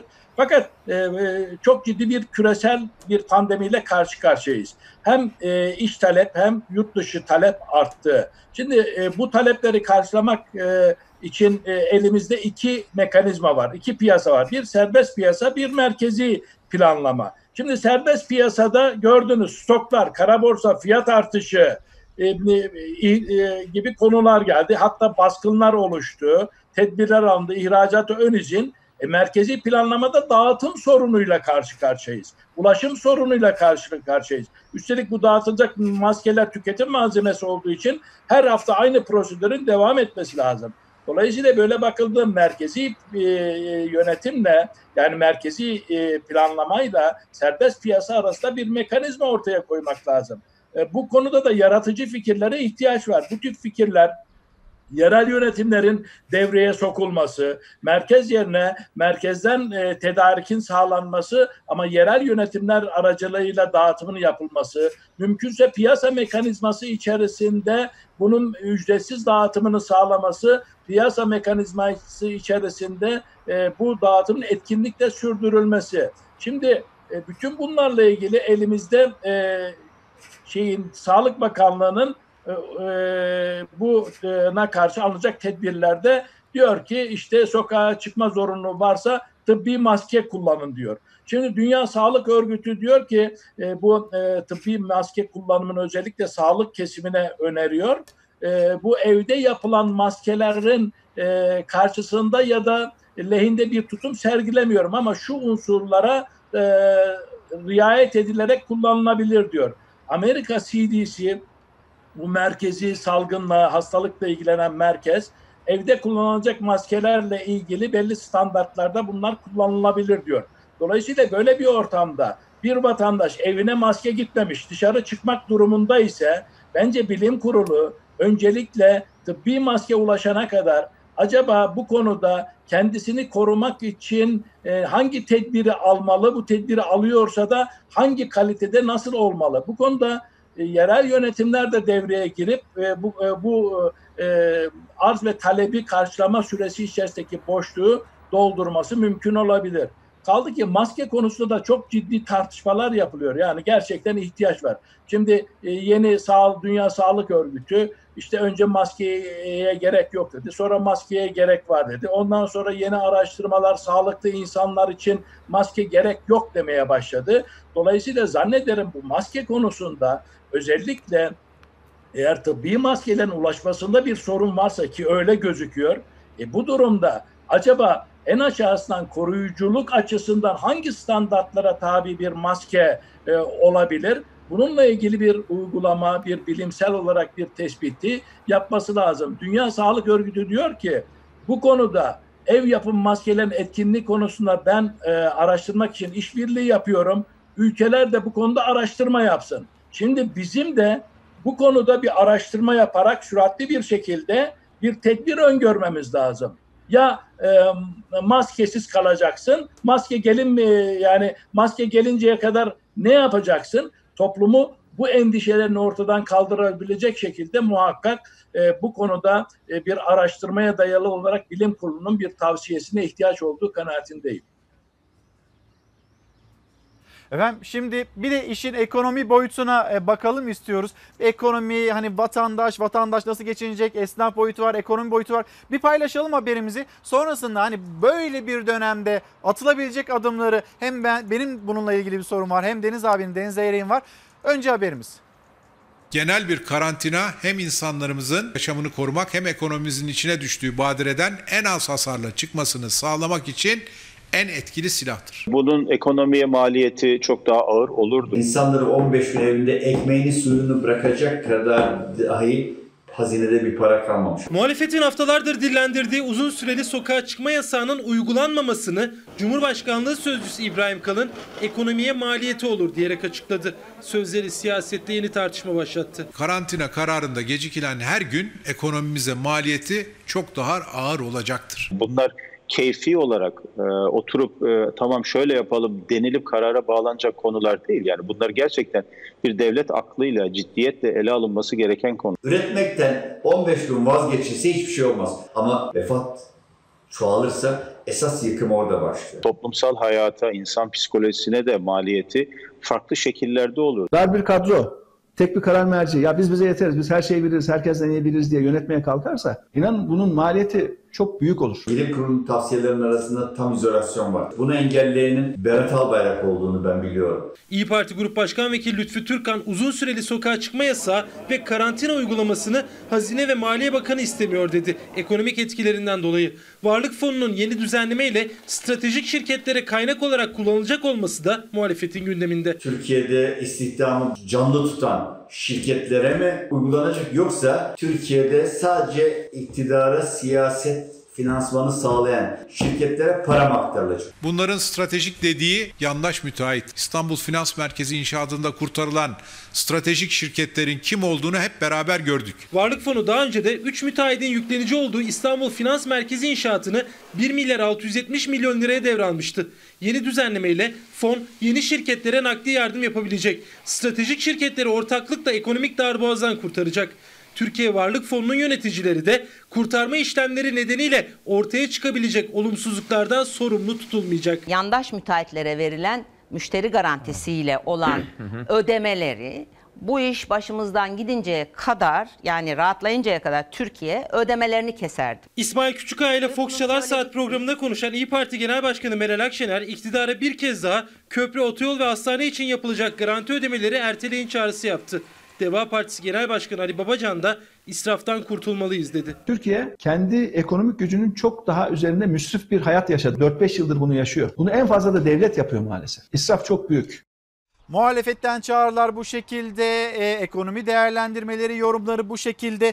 E, acaba siz ne düşünürsünüz? Mesela kısa çalışma ödeneği denildi sonrasında işte işten çıkarmak yasaklanacak ama ücretsiz de gönderilebiliyor. Mesela günlük 139 lira 40 kuruş ve aylık 1177 lira. İnsanlar bununla nasıl geçinir? Esnaf, esnafın yaşadığı sıkıntılar. Bir, bir belki bir projeksiyona ihtiyacımız var. Ben bunu sormak istiyorum. Deniz ben abi. De, ben de şunu sormak istiyorum Oktay Bey. Sizce yani zaten krizde yakalandık biz bu karantina dönemine. Çıkışı nasıl olur? Nasıl görüyorsunuz? Yani karantina bitti, normale döndük. Ekonomide nasıl izler bırakır? Onu nasıl görüyorsunuz? Evet, e, aslında e, tabiatıyla e, yani e, biraz önce ifade ettiğim gibi bu e, koronavirüs dediğimiz e, sorun sadece bir e, sağlık sorunu değil. Aynı zamanda bu sağlık sorununun e, baş edebilmek için aldığımız tedbirler e, sosyal ve ekonomik e, sorunlar da e, etkiler de bırakıyor. Dolayısıyla bugün eğer e, bir aşımız yok, bir ilacımız yok, e, bu durumda böyle bir salgın karşısında herkesin önerdiği izolasyon, e, fiziki e, mesafe, e, karantina, e, sokağa çıkma e, gibi bir takım tedbirler aynı zamanda ekonomik ve sosyal e, bedelleri o, o, oluyor. Dolayısıyla e, böyle bakıldığında e, bütün dünya bunlarla uğraşıyor ve e, yani 17 e,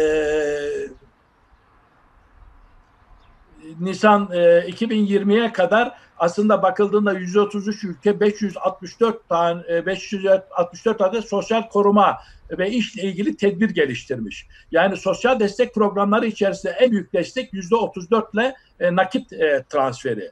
E, böyle bakıldığı zaman bizim bu e, e, ekonomik yetkileri e, dikkate almadan e, tedbir alamazsınız. Dünyada tabii çok büyük tartışmalar var. Yani bu e, kapanma, e, bu kapanmanın önerilmesi, e, sebep sonuç ilişkilerle bu spekülasyonlara girmek istemiyorum. Ama netice itibariyle alınan bu tedbirler ekonomik hayatı etkiliyor ve etkileyecek.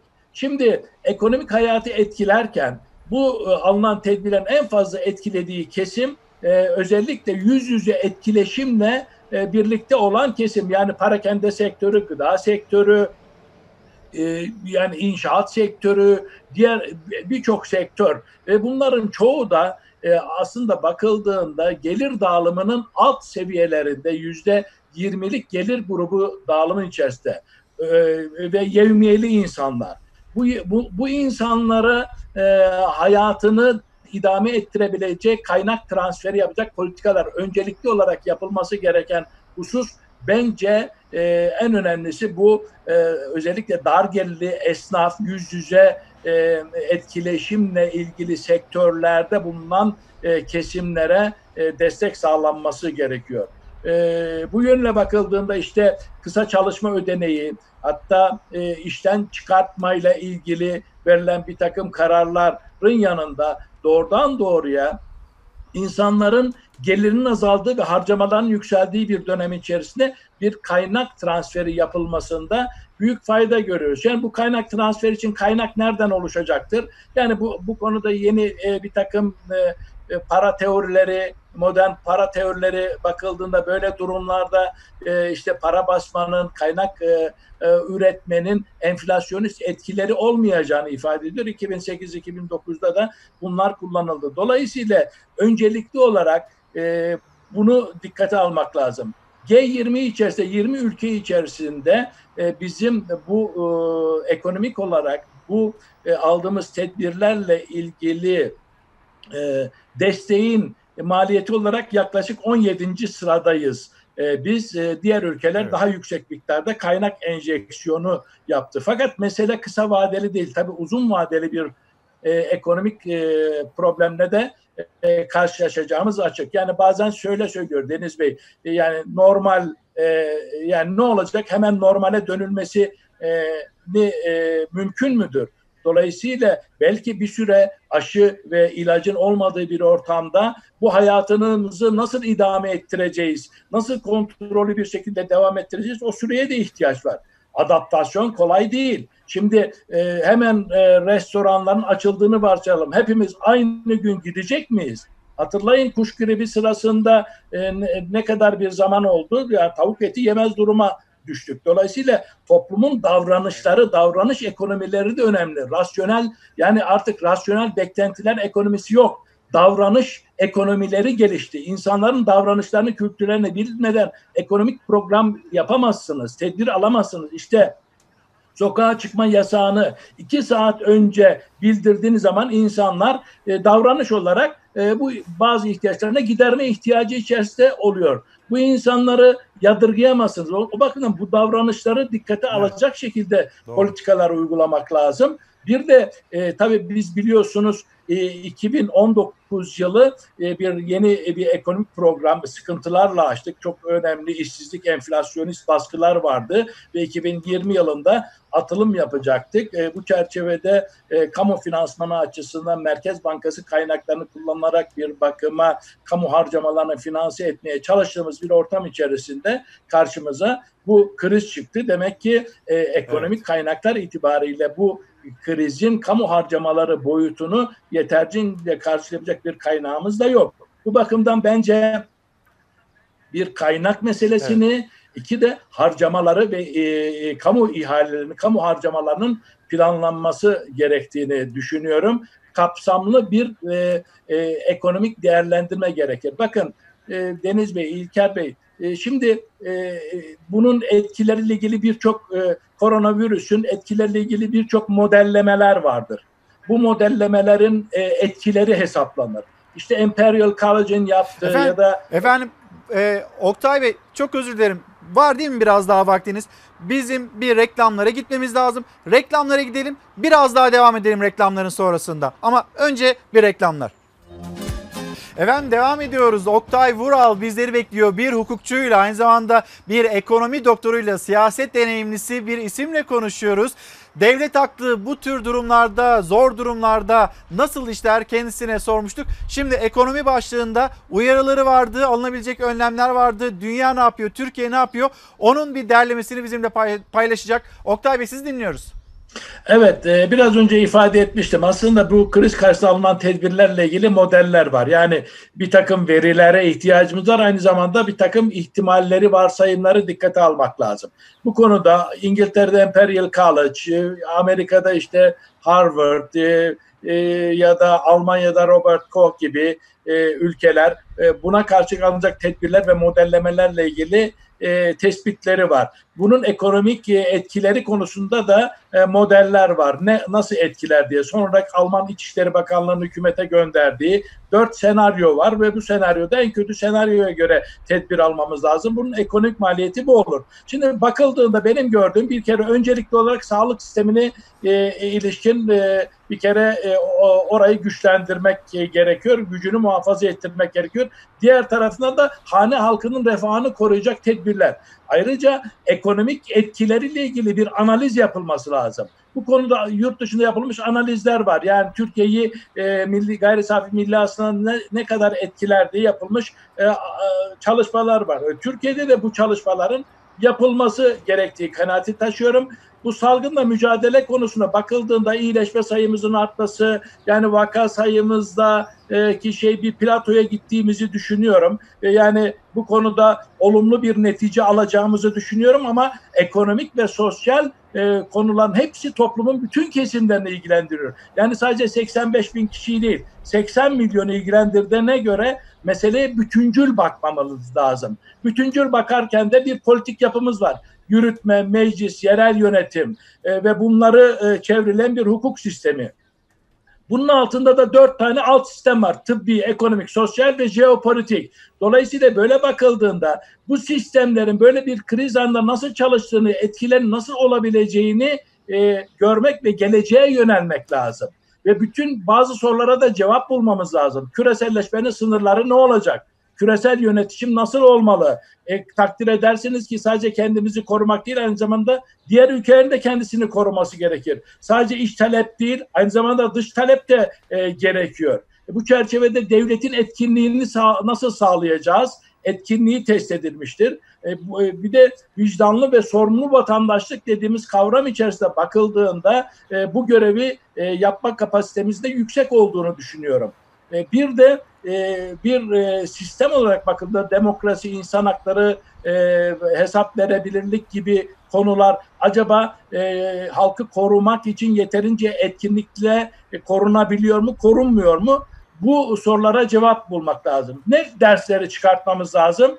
Bence evet. bu koronavirüsten dolayı çıkan dersler şunlar. Bir kere işte devletin etkin olması, devletin küçük olması değil de etkili devlet olması, etkin devlet olması ve böyle bir kriz anında e, açıkçası devlete olan güvenin sağlanması e, ve alınacak kararların da bu güveni sağlayacak şekilde olması, merkezi yerel yönetim arasında işbirliği, özellikle ekonomik ve sosyal aktörler arasında işbirliği yaparak ekonomik meseleleri çözebilmek ve e, bir milli devletin ne kadar önemli olduğu ortaya çıkıyor. Küreselleşmede milli devlet ufalacak deniyordu. Sınırlar ortadan kalkacak diyordu. Bunun olmadığı bir kez daha ispatlandı. Millet dediğimiz gerçek. Dolayısıyla milli dayanışma, bilinç ne kadar önemli. Bugün Türk milletinin bu konuda e, çok önemli avantajları var. E, işte Fransa'da ya da diğer evet. ülkelerde bu sorgulanıyor. Bir de bir diğer konuda uzmanlara güven ve bilime güven önemli hale geldi. Bakın sizler önemli ölçüde bilgiye dayalı ve bilim adamlarına dayalı olarak haber vermek istiyorsunuz. İnsanlar spekülasyon istemiyor bilgi istiyor, bilim istiyor, kendine güven verilmesini istiyor. Dolayısıyla böyle e, infodemik dediğimiz yalan bilgilerle spekülasyonlar hareket eden değil, doğru bilgilerle mesajı veren e, insanlara güven artıyor. e, otoriterleşme dediğimiz eğilim, bu şeffaflık ve sansür gibi konuların Çin'de nasıl etkili olabileceği görüldü ama hastalıkla mücadele açısından da devletin etkin olması gerekiyor. E, şimdi e, bunun için bir otoriterleşmeyi kabul mü etmemiz lazım ama demokrasiyi güçlendirecek e, etkili bir mekanizma mı oluşturmamız lazım? Bu dersleri çıkartmak lazım. Ayrıca kriz yönetimde halkın davranışlarını değiştirebilme gücü önemli. Yani şunu demek istiyorum. Yani e, biraz önce söylediğim gibi evde kal, şurada kal, Evet. burada kal gibi davranışlarını değiştirebilmek e, önemli. Çünkü davranışları değişmediği sürece sorunu değiştiremeyiz. Temel sorun da bu davranışlar kalıcı olarak bu şekilde olursa sosyal problemler ortaya çıkar. E, altıncısı da ulus e, bence kuşaklar arası bir çatışma. Özellikle bir sosyal mesafe. İşte e, biliyorsunuz bu Evet. nesil özellikle küresel ısınmanın geçmiş nesillerden dolayı bir maliyeti olduğunu düşünüyor. Şimdi e, bakıldığında geçmiş nesillerde bugünkü koronavirüsün tehdidi altında. Böyle olduğu zaman da bu kuşaklar arası çatışmayı e, çatışma içerisinde bu fiziksel yakınlaşmayı güçlendirmek gerekiyor ve şöyle bir paradoksla karşı karşıyayız ve karşılaştığımız kriz e, sadece sağlık krizi değil ekonomik sosyal boyutlarıyla hayatın bütün boyutlarıyla ilgili bir insani krizle karşı karşıya olduğumuza göre e, insani maliyet mi yoksa pandemi maliyeti mi? Yani dolayısıyla insanlığı e, bu pandemi sırasında insanlara maliyetini daha aza indirgeyebilecek tedbirleri nasıl algılayabiliriz? Onun için ben e, bu çerçevede e, gerek e, tıp açısından aldığımız e, tedbirler bugün e, halk içinde Evet. muteber bir nesne yok devlet gibi olmaya devlet cihanda bir nefes sıhhat gibi. Demek ki koruyucu sağlığa önem vermemiz lazım.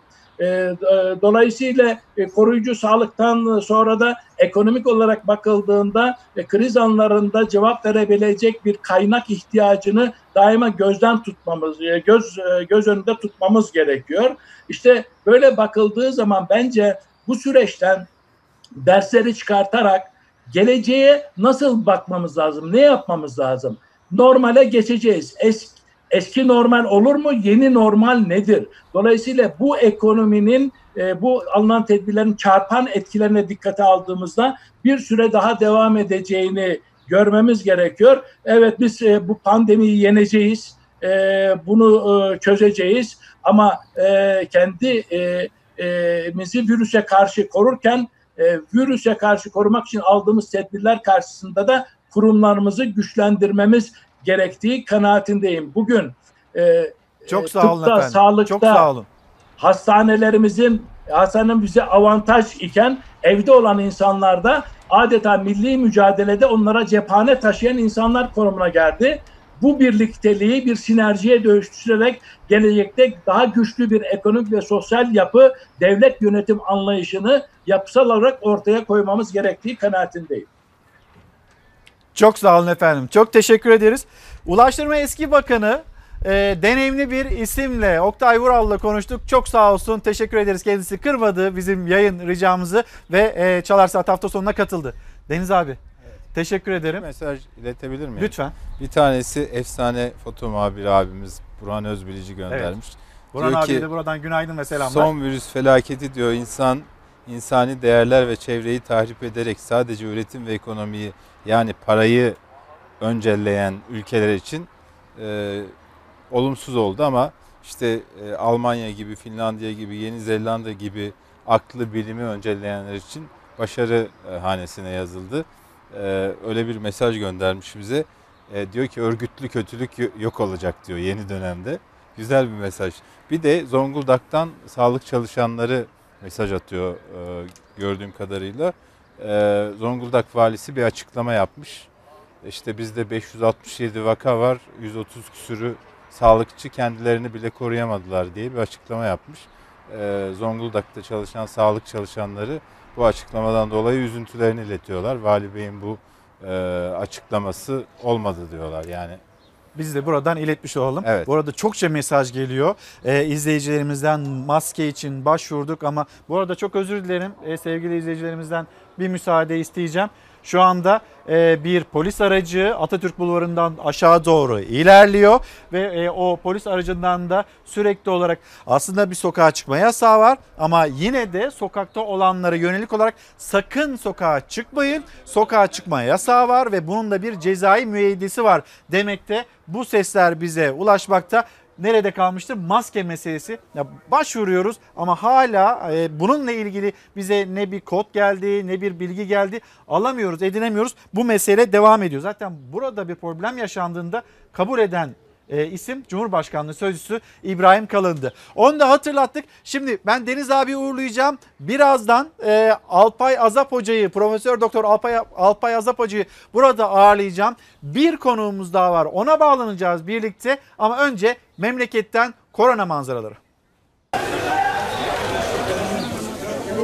Sokağa çıkma yasağına saatler kala alışverişin adresi yine pazarlar, marketler ve fırınlardı. Birçok ilde geçen hafta yaşanan manzaranın aksine daha sakindi görüntü. Panik yoktu belki ama olması gerekenden daha kalabalıktı yine sokaklar. Birçok ilde yoğunluğun adresi pazarlardı. Adana'da iki günlük alışveriş için pazara gidenler tezgahlarda ne var ne yok aldı. Kalabalık dağıldığında tezgahlar bomboştu. İzmir'de de pazara ateşleri ölçülerek ve sırayla alındı vatandaşlar. Ancak içeri girdikten sonra ne önlem kaldı ne de sosyal mesafe. Pazarlarda bunlar yaşanırken Marmaris'te polis marketlerde sosyal mesafe denetimindeydi. Bursa'da ise kasap kuyruğu vardı. Bir saati geçkindir bekliyoruz. Ne alacaksınız? Bir kilo kıyma almak için bekliyoruz. Van'da yasak nedeniyle üretimini iki katına çıkardı fırıncılar. Adana'da da kebapçılar. İki gün kebap yiyemeyecek olan Adanalılar kebapçıların önünde kuyruk oldu. Bir Adanalı olarak son kebabımızı yemeye geldik. Yasağın uygulandığı 31 ilden biri olan Zonguldak'a giriş çıkış sınırlandırmaları uzatıldı. İngiltere'den Türkiye'ye getirilen 3'ü bebek, 10'u çocuk ve 66'sı kadın 167 Türk vatandaşı Kütahya'daki Kredi ve Yurtlar Kurumu'na yerleştirildi. Ve sokağa çıkma yasağına dakikalar kala sokaklar bomboş kaldı. 31 il gece yarısından itibaren sessizliğe büründü. Memleketten hemen bir İstanbul'a dönelim. Ali Onur Tosun bizi bekliyor Eminönü'nde. Bu kez Eminönü'nden manzaralar ve notları var. Onları paylaşacak. Onur'um seni dinliyoruz.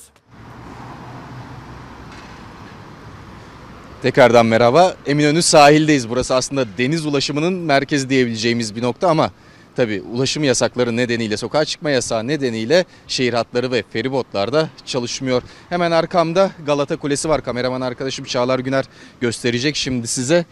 Orası işte Kadıköy, arkası Beyoğlu ve Galata Köprüsü var. Aslında alışık olduğumuz bir manzara vardı orada. Hep balık tutanları görürdük. Tabi bu salgın sebebiyle ilk yasaklananlardan birisiydi. İlk alınan önlemlerden birisiydi balık tutanlara getirilen yasak. Sahil şeridinde balık tutmak yasaklanmıştı. Deniz de bomboş tabi deniz ulaşımı da durduruldu. Salgın önlemleri kapsamında sokağa çıkma yasağı kapsamında. Eminönü'nde durum ne peki? Burada işine gidip gelmeye çalışanlar da çok fazla yok. Sadece polis ekiplerini görebiliyoruz dışarıda ve belediyenin dezenfekte ekipleri var. Hemen Çağlar Güner'den rica edeceğim onları gösterecek size. Kaldırımlar dezenfekte ediliyor. Dışarıda kimsenin olmaması da fırsat tabii ki daha kolay yapılıyor bu işlemler. Belediyenin ekipleri kaldırımları ve yolları dezenfekte ediyorlar. Eminönü hiç alışık olmadığımız kadar boş aslında bütün İstanbul hiç alışık olmadığımız kadar boş. Kameraman arkadaşım Çağlar Günel'le beraber biz de bunun biraz keyfini çıkarmadık dersek yalan olur. Hava da çok güzel çünkü.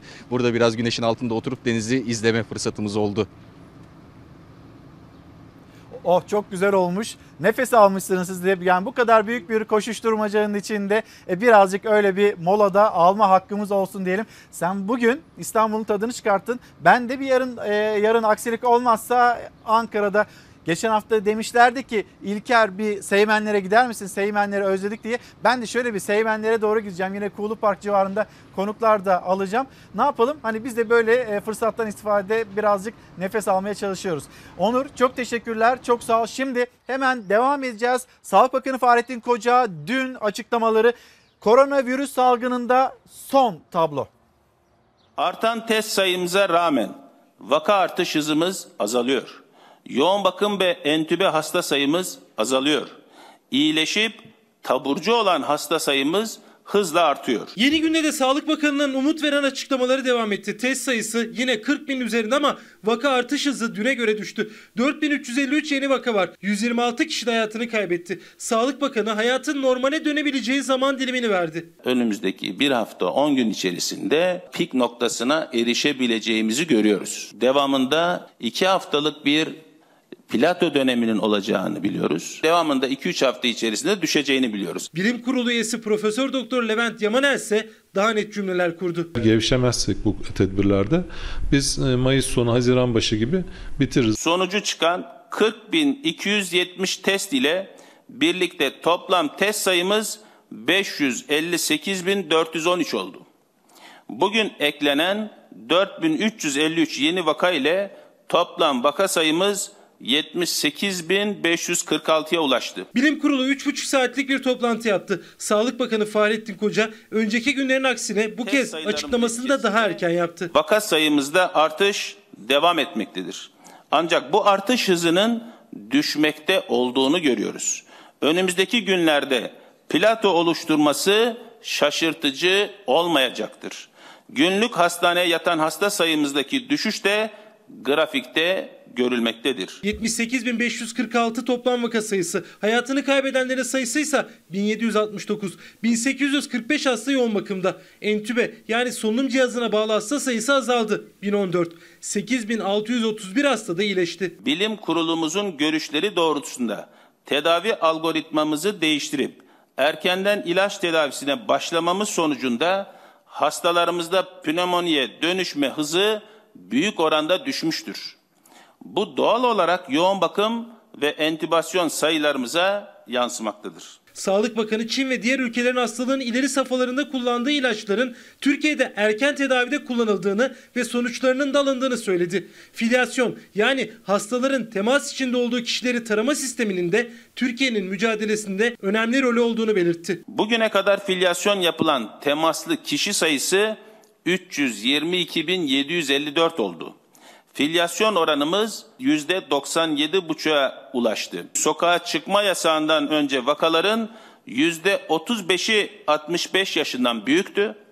Kısıtlamadan sonra bu oran %18'e düştü. Bilim Kurulu üyesi Levent Yamanel Mayıs sonu Haziran başı dedi normal hayata dönüş için. Sağlık Bakanı Fahrettin Koca ise haftalar içinde olabileceğini söyledi ama her iki açıklamanın da şartı ortak. Tedbirlere harfiyen uymak. Ama bütün bunlar bizi asla rahatlatmamalı, tedbiri elden bırakmamalıyız, yeni bir dalgaya asla izin vermemeliyiz. Bu görüntülerde İstanbul'dan Sağlıkta Şiddeti Önleme Günü kapsamında sağlık çalışanları Ok Meydanı Eğitim ve Araştırma Hastanesi önünde koronavirüs nedeniyle hayatını kaybeden sağlık çalışanları için saygı duruşunda bulundu. Efendim misafirimiz konuğumuz geldi aslında artık bizden birisi oldu. Hem kendisi hem de eşi Özlem Azap kendisine de bu arada hem günaydın diyelim hem teşekkür ederim. Profesör Doktor Alpay Azap bilim kurulundaki önemli bilim insanlarımızdan bir tanesi şu anda misafirimiz. Hocam günaydın. Günaydın. Hoş geldiniz. Şimdi tablolar açıklanıyor. Fahrettin Koca Sağlık Bakanı'nın yaptığı açıklamalar var. Umut veren tablolardan söz ediliyor. Konuşacağımız konulardan bir tanesi bu. Ama önce ee, öyle zannediyorum hazır bir e, programcı, bir sunucu, mesleki olarak bizim büyüğümüz ama meslektaşımız öyle diyelim. Burak Akkul 20 gün 20 gün yoğun bakımda bu e, hastalıkla, koronavirüsle mücadele etti. Önce hem kendisine geçmiş olsun diyelim hem de hani o süreç ne oldu, neler yaşandı bize lütfen bir anlatsın. Burak Akkul günaydın. Sesimi duyabiliyor musunuz? Günaydınlar efendim, günaydınlar. Nasılsınız?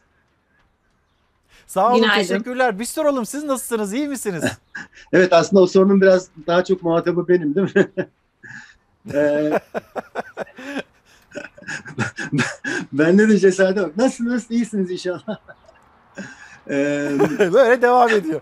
İyiyiz Böyle ya iyi olun. Bugün bugün zaten başlığımızda sizinle yapacak olduğumuz bu e, yayının öncesinde iyileşeceğiz diye e, işaretledik. Evet. Öyle seçtik. Evet. İyileşeceğiz. İşte Burak Akkul Zorlu biz bir de, mücadele. Belki bunu anlatmak gerekiyor değil mi?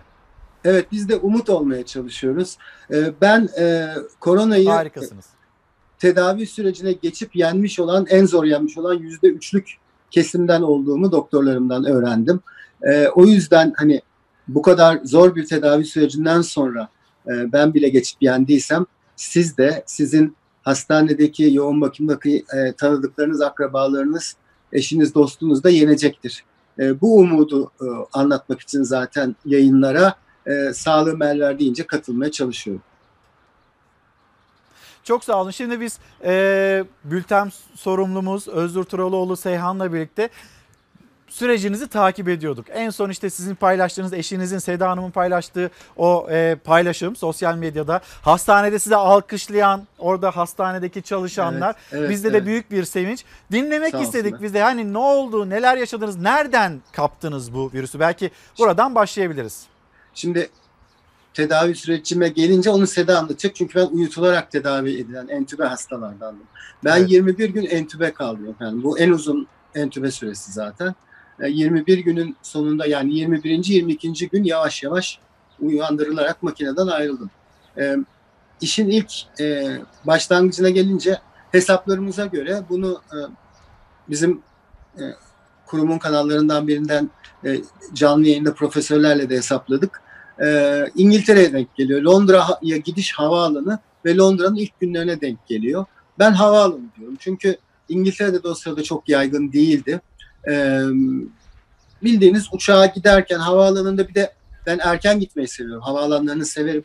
Hem mesleğim gereği çok bulunuyorum hem de bana e, özgürlük hissi veriyor. E, ama bu sefer e, korona verdi anladığım kadarıyla. E, hastalık e, verdi yani. Bir yarım günümü havaalanında geçirdim. Sabiha Gökçen'de geçirdim herhalde o gün.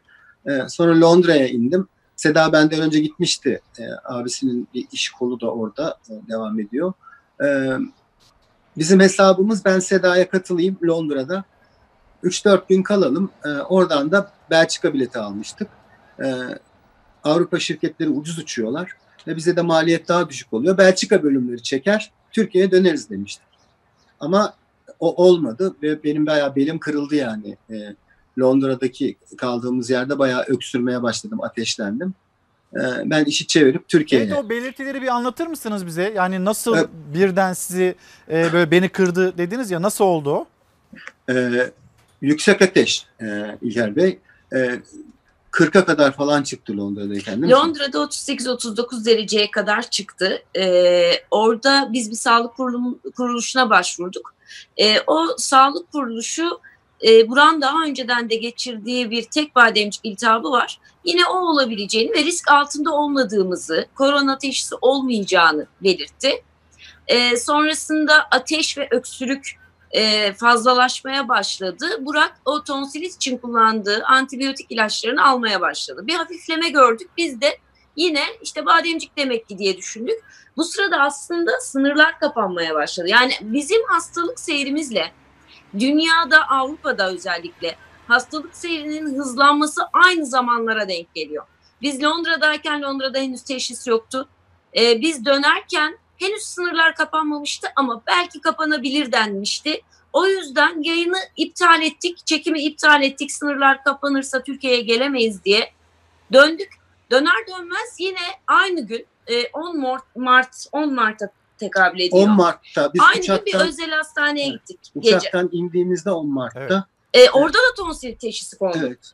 E, ya bademcik iltihabı diyelim. Yine evimize geldik. O iki günde aslında hastalığın seyri çok ciddi değişti. Ee, 40 dereceyi o Seda zaman Hanım, gördü. Burak Bey. Uçak, evet. Seda Hanım, Burak Bey şu anda bilim kurulundan yanımızda Profesör Doktor Alpay Azap var. Hemen bir kendisine sormak istiyorum. Hocam yani e, o zaman zarfında biz hakim değil miydik koronavirüse? Yani 10 Mart Henüz tarihi. 10 Mart'ta ülkemizde ilk vaka bildirilmemişti. O yüzden de e, böyle çok hastalarla karşılaşıyoruz. Yani her sene biz çok sayıda özellikle bu Şubat-Mart aylarında üst solunum yolu enfeksiyonuyla başvuran hasta oluyor. Tabi burada e, Burak Bey'in seyahat öyküsü uyarıcı bir öykü. E, seyahat öyküsü olunca mutlaka şüphelenmek lazım ama o zaman da öykü İngiltere'den olunca İngiltere'de şüpheli ülkeler arasında henüz 10 Mart'ta çok yoktu. E, Kendilerinin de ifade ettiği gibi İngiltere'de sonradan kervana katılmış oldu. O yüzden gözden kaçmış olabilir gerçekten. Devam edelim sizi dinlemeye. Buyurun Seda Hanım, Burak Bey. Sağ olun. O iki gün içerisinde e, ateş 39 ve 41 arasında gidip gelmeye başladı. İki gün sonra 12 Mart geceye 13 Mart'a bağlayan geceye tekabül ediyor. E, aynı hastaneye geri döndüğümüzde Ki özür dilerim ben burada parantez açmak istiyorum Seda. Bu sıralarda e, Türkiye'de o 5-6 vaka bildirilmişti. Ben televizyonda alt Türkiye'de görüyordum. 18 vaka bildirilmişti. O iki gün Yani içerisinde. demek ki 12-13 Mart'ta bildirilmiş. 13 Mart'ta e, biz aynı hastaneye aslında 12 Mart gece 13 Mart'a bağlayan gece başvurduğumuzda korona olabileceği orada söylendi. Ve e, belirlenen hastaneler e, söylendi. Kartal Hastanesi'ne, Lütfi Kırdar Hastanesi'ne gittiğimizde de 41.2 dereceyle Burak karantinaya alındı. E, 13 ve Mart süreç bu gecesi. şekilde başlamış oldu. 13, 13 Mart Mart, gecesi. gecesi. E, Kartal Lütfü Kırdar Eğitim Araştırma Hastanesi'ne yatırıldı. Ee, yeniden burada hocama döneceğim. Çünkü sizin hastalık öykünüz ve e, hocamın söyleyecekleri çok önemli. Ben hani şöyle bir hikayem var, böyle bir yüksek ateş var diyen pek çok hani izleyicimiz oluyor. Sizin verdiğiniz örnekle yaşadığınızla aslında bu öyküyü bir kez daha dinleyelim. Yüksek ateş, öksürük değil mi? Öksürük, nefes darlığı olabiliyor. Onun dışında çok az hastada görebiliyoruz ama ishal mesela karın ağrısı ve ishal de eşlik edebiliyor. Yaygın bir halsizlik, boğaz ağrısı gibi, baş ağrısı gibi daha hafif belirtilerle de e, izleyebiliyoruz hastaları. Hastalarımızın bazıları mesela tad alamadığını, koku alamadığını söyleyen hastalarımız olabiliyor. E, Ama ilk hafta genellikle daha hafif belirtiler. Birinci haftanın sonuna doğru tıpkı Burak, Burak Bey'de olduğu gibi hastalığın ağırlaşmasıyla birlikte öksürüğün daha belirginleştiği ve daha inatçı bir hale geldiği, beraberinde de solunum yetmezliği bulgularının, yavaş yavaş nefes darlığının, nefes alamama hissinin eklendiği bir klinik tabloyla karşılaşıyoruz genellikle. Hiç bunların e, yaşanmadığı vakalar da var ama. Tabii yani aslında vakalarımızın %80'i e, o birinci hafta içerisindeki hafif belirtilerden sonra kendisi iyileşiyor. Boğaz ağrısı, işte hafif bir öksürük, baş ağrısı, halsizlik gibi belirtiler. Belki hafif ateş, çok da yüksek olmayan bir ateş oluyor ama birinci hafta sonunda kendileri iyileşiyorlar. Bir kısmında bunlar bile hiç olmuyor. Belki bir iki gün süren bir halsizlik, hafif boğaz ağrısı, ateşi bile çıkmıyor kişinin ve atlatabiliyor. Yani %80-85'i aslında kişilerin bu hastalığı bu şekilde hafif belirtilerle atlatıp kendisi iyileşiyor. Hatta o nedenle hastaneye bile başvurma ihtiyacı hissetmiyorlar. Herhangi bir sağlık kuruluşuna doktora başvurma ihtiyacı hissetmiyorlar.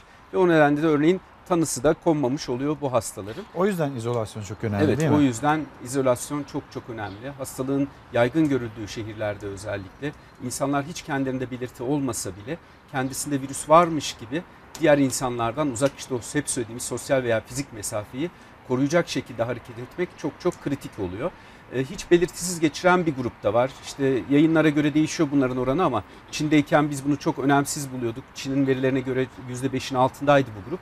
Ama şimdi neredeyse hiç belirtisi olmadan bu hastalığı atlatan %20 ila 30 arası bir grup da söz konusu. Dolayısıyla gerçekten dediğiniz gibi sanki hastalık varmış gibi hareket edip çevreyi korumak üzere o sosyal mesafeyi koruyarak hareket etmek hastalığın toplumda yayılmasını azaltmak için çok önemli bir önlem. Zaten bütün yapılmaya çalışılanlar buna yönelik şeyler aslında. Tüm dünyada toplumda bu virüsün yayılmasını engellemek için sosyal mesafeyi e, güçlendirecek önlemler alınmaya çalışılıyor.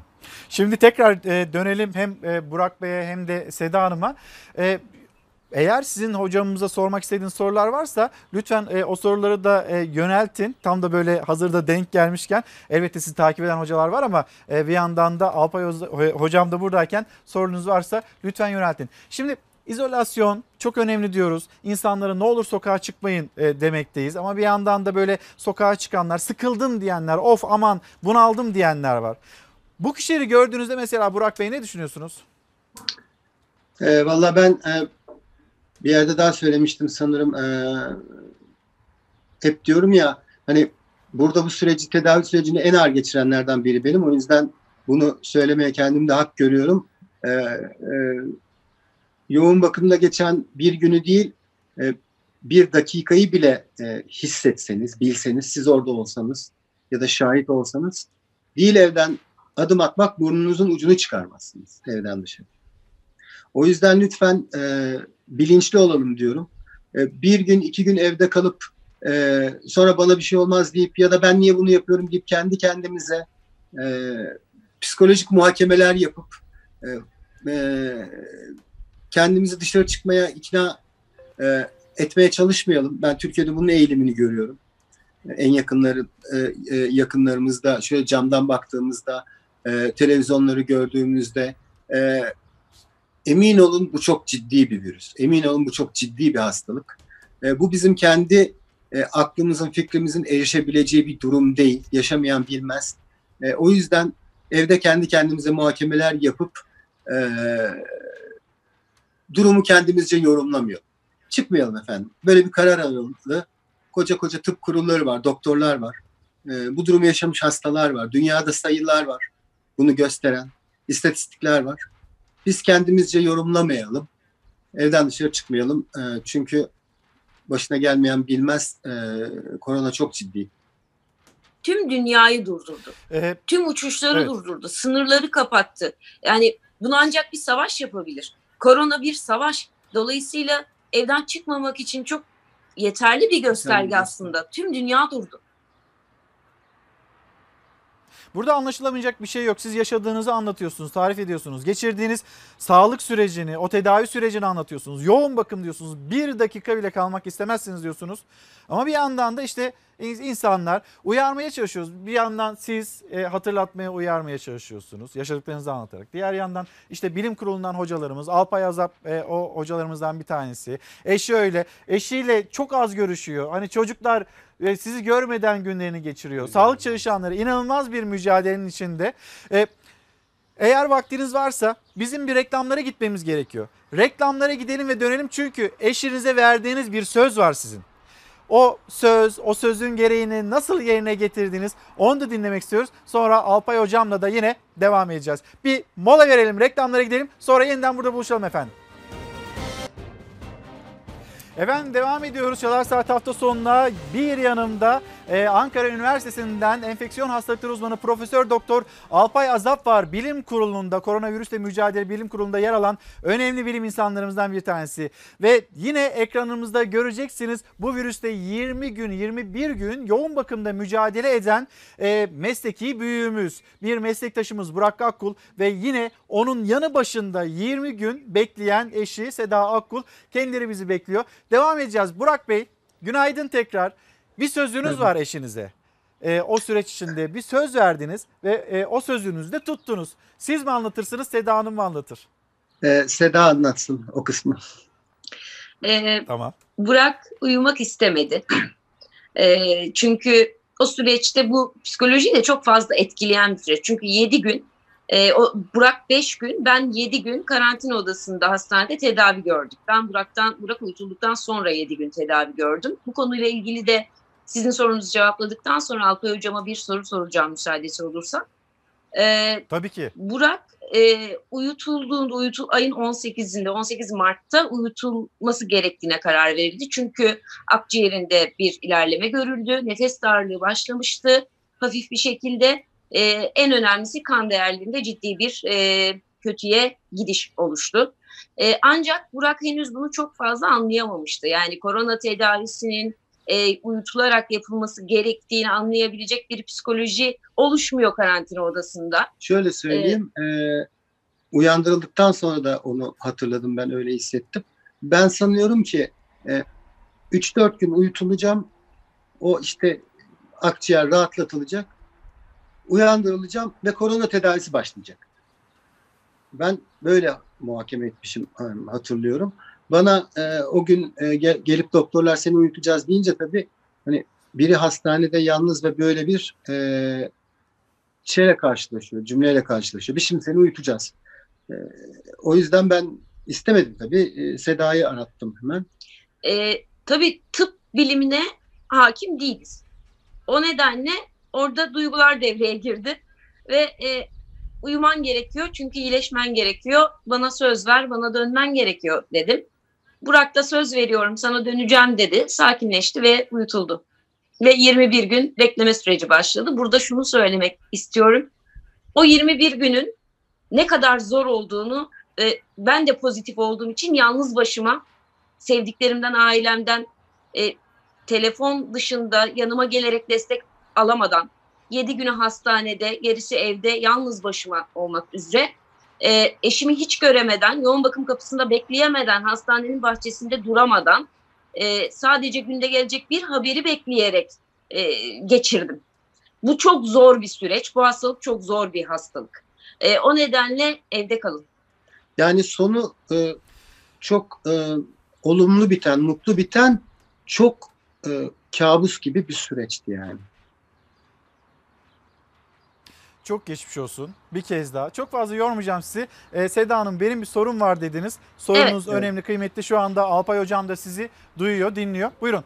Çok sağ olun. Önce şunu söyleyeyim. E, o videodan bahsettiğiniz, eklediğimiz sağlık çalışanlarının, e, doktorlarımızın Sayın Mehmet Altıntaş, Recep Hocam, onların bizi uğurladığı, alkışlarla uğurladığı e, videodan bahsettiniz.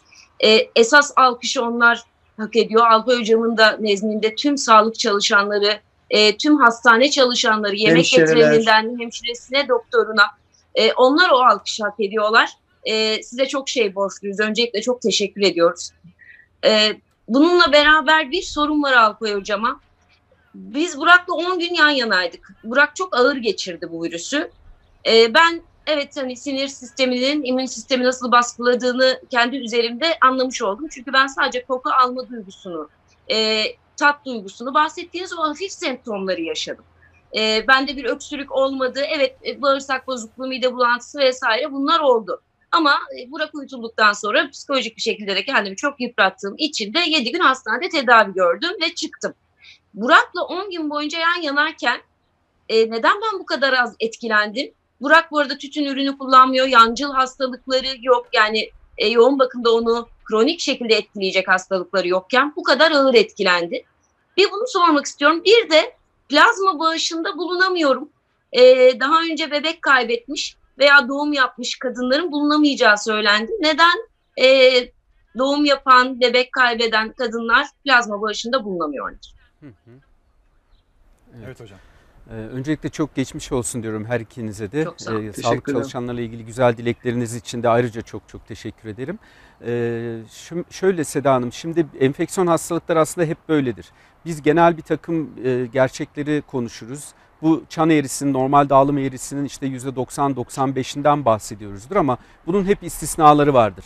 Bu- Burak Bey'in durumunda da mesela genç altta yatan hastalığı olmayan kişilerde biz bunun hafif seyrettiğini hep söylüyoruz ama bunun ne yazık ki istisnaları oluyor. Maalesef Burak Bey'e denk gelmiş durumda. O bu 48 hastalığı çok ağır hocam. bir şekilde. işte Parantez olarak söyleyeyim ben.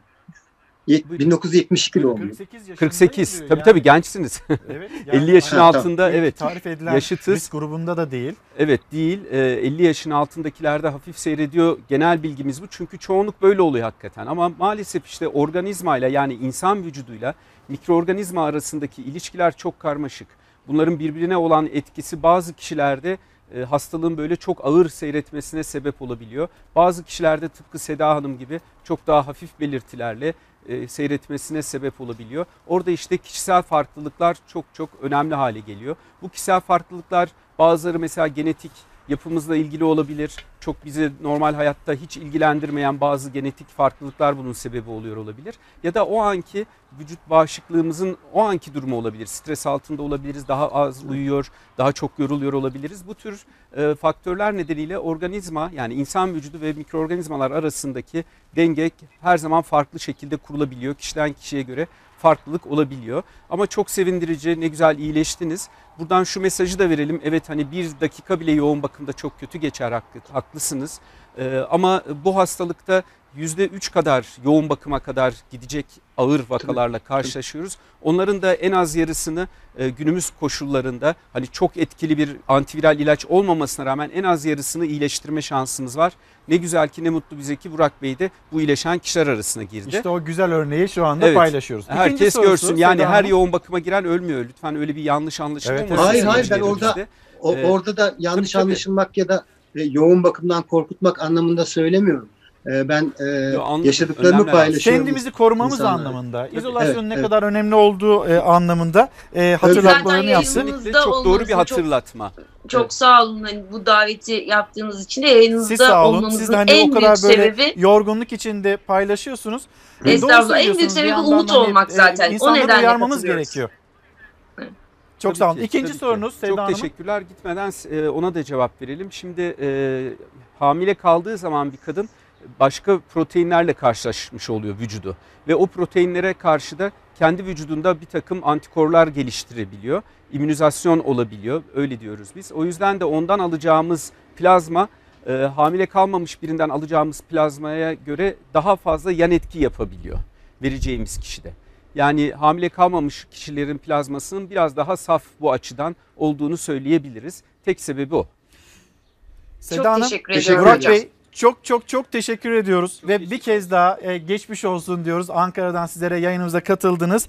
E, dileriz hiç kimse bu tür bir durumla karşı karşıya kalmaz. Ne kadar önemli izolasyon. İşte onu anlattı Burak Bey de hastalığı biraz daha böyle hafif bir şekilde geçirmiş olan eşi Seda Akkul'da.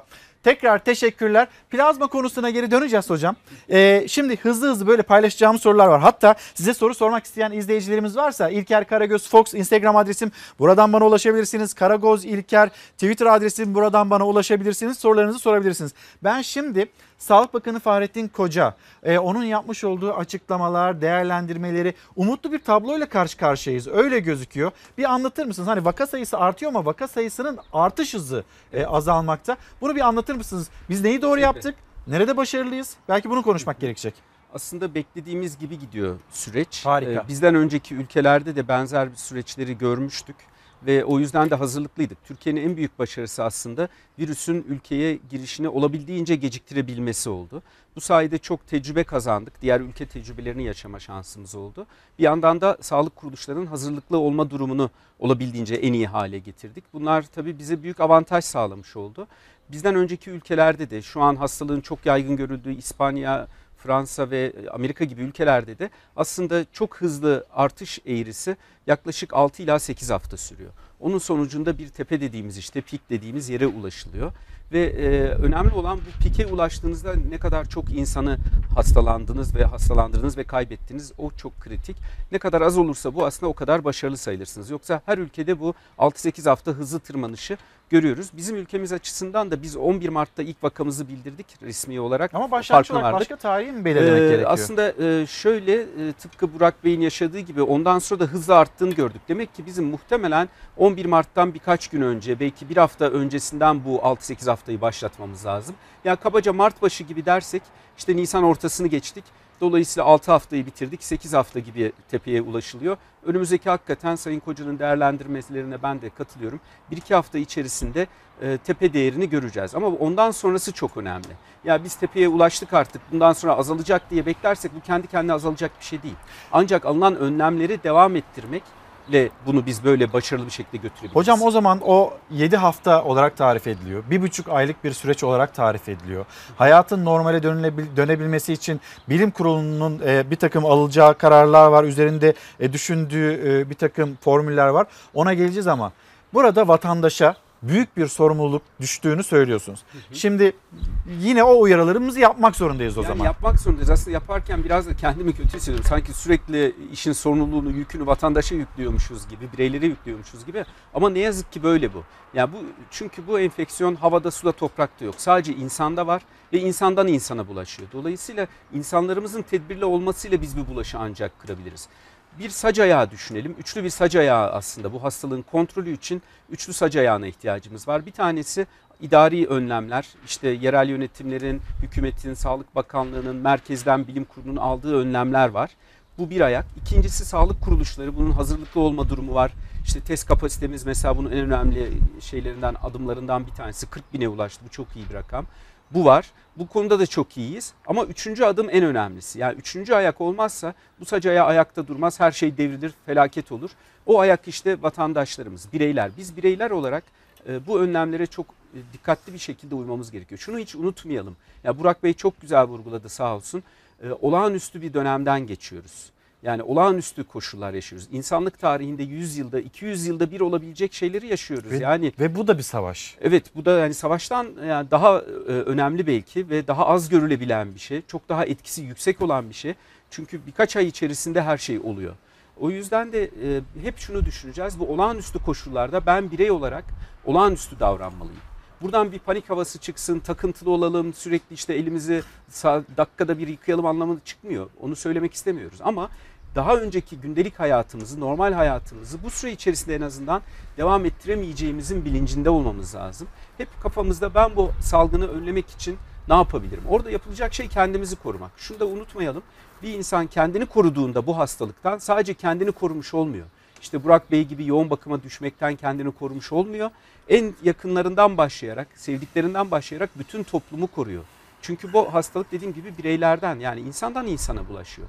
Ve e, işte tepeye ulaştıktan sonra biz önümüzdeki haftalarda hep şeyi konuşacağız. Acaba bu aldığımız e, kısıtlamaları nasıl kaldıralım? Nasıl esnetiriz? Nasıl esnetiriz? Şimdi dünya bunu tartışıyor. Ne kadar esnetelim? Almanya başladı mesela Almanya değil mi? evet esnetmeye başladı. İşte Japonya esnetince tekrar vaka sayıları artınca tekrar e, sıkı önlemlere döndü Japonya. E, bu konuları konuşacağız. İşte bu konuları konuşurken de işte okulları açacak mıyız, açmayacak mıyız, ne bileyim seyahat kısıtlamalarını kaldıracak mıyız, sokağa çıkma yasaklarını kaldıracak mıyız hafta sonları gibi.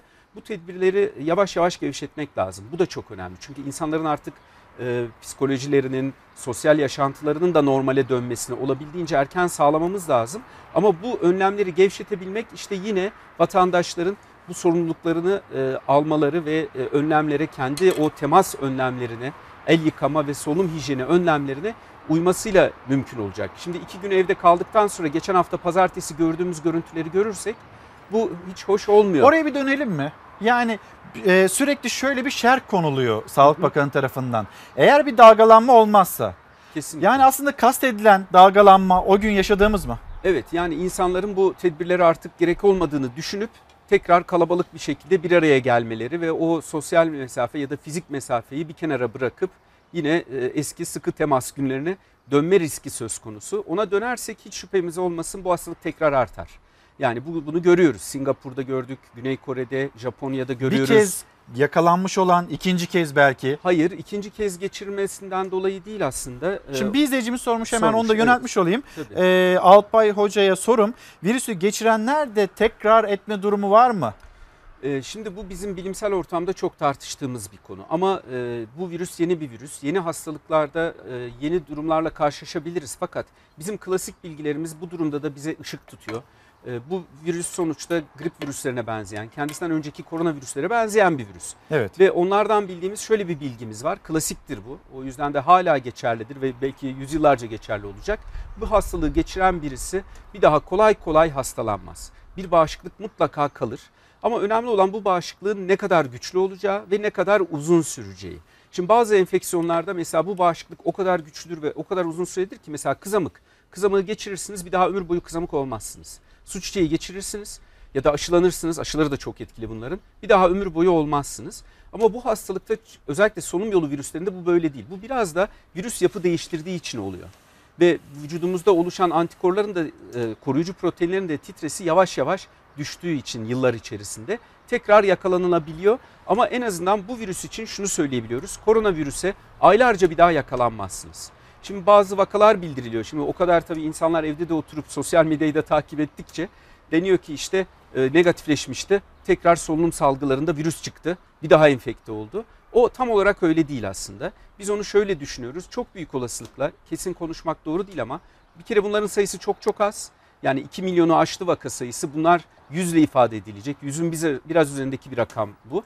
Bu kişilerde virüsü biz tekrar tespit edebiliyoruz ama hastalık belirtileri yok bunlarda. Ve bulaştırıp bulaştırmadıklarını bile henüz bilmiyoruz bu kişilerin. Büyük olasılıkla işte o kişiyle virüs arasındaki denge bir yerde sabitleniyor. Bu kişiler aslında iyileşmiş durumdalar, hiçbir sıkıntıları yok. Ama virüsü bir süre daha saçmaya devam ediyorlar. Bu yeniden hastalandıkları anlamına gelmiyor. Ama bunu yakın bir şekilde takip ediyor. Yani bilimsel olarak bunu bizim yakın takip etmemiz ve bunun ne tür sonuçlarla e, karşımıza geleceğini bilmemiz gerekiyor. Bu yapılıyor. Bu konuda endişelenmesinler. Yani ağır bir hastalık olmuyor ama bir süre daha böyle bir taşıyıcı, Virüs taşıyıcı rolü gibi e, onlarda kalıyor. ama çok çok az. Çok oran. sayıda mesaj geliyor hocam. Bu arada e, ben o mesajlara şöyle bir derli toplu bakabileyim diye hemen bir haber paylaşalım. Dünyada korona şu anda işte az önce Almanya'dan bahsettik, Güney Kore hani ya da dünyanın diğer ülkelerinde alınan tedbirler nedir? Onu bir paylaşalım. Ben de orada e, sorularınıza bakayım öyle devam edelim. Almanya salgını kontrol altına aldı. Amerika Birleşik Devletleri virüs tedbirlerinin kademeli olarak gevşetilebileceğini açıkladı. Japonya salgından ekonomik olarak etkilenen vatandaşlarına 100 bin yen, 6400 lira nakit para yardımı yapmayı kararlaştırdı.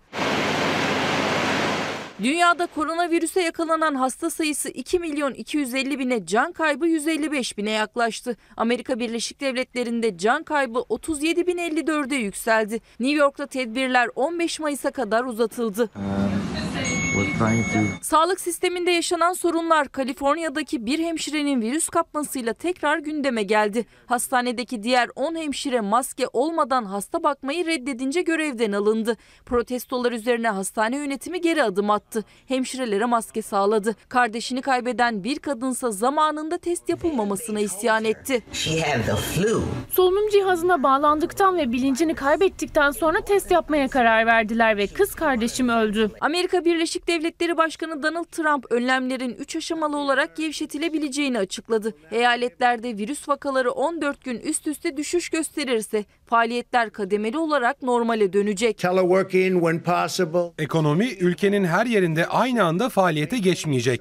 Dikkatli ve tek tek atılacak adımlarla bu süreci yürüteceğiz. İngiltere salgının yayılmasını durdurabilmek için sokağa çıkma kısıtlamalarını 3 hafta daha uzattı. Bir günde 847 kişi daha yaşamını yitirdi. Can kaybı 14.607 oldu.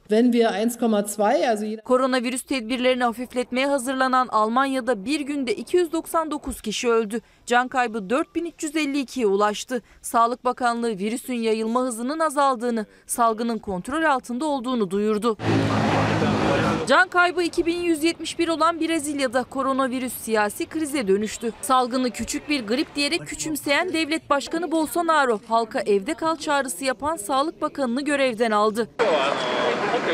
Güney Kore'de korkutucu bir gelişme yaşandı. Hastalığı atlatıp taburcu edilenlerin %2'si tekrar virüse yakalandı.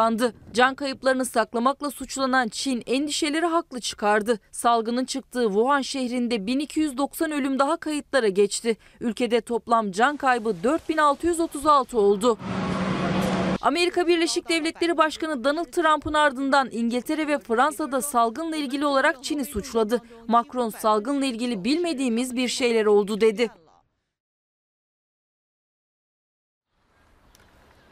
Evet şimdi sizlerden gelen sorular daha çok haftanın iki günü, hafta sonu o yasaklar yeterli mi? Yoksa daha uzun süreli bir yasak olması gerekmez mi bizim bu virüsü izole etmemiz için demekte izleyicilerimiz.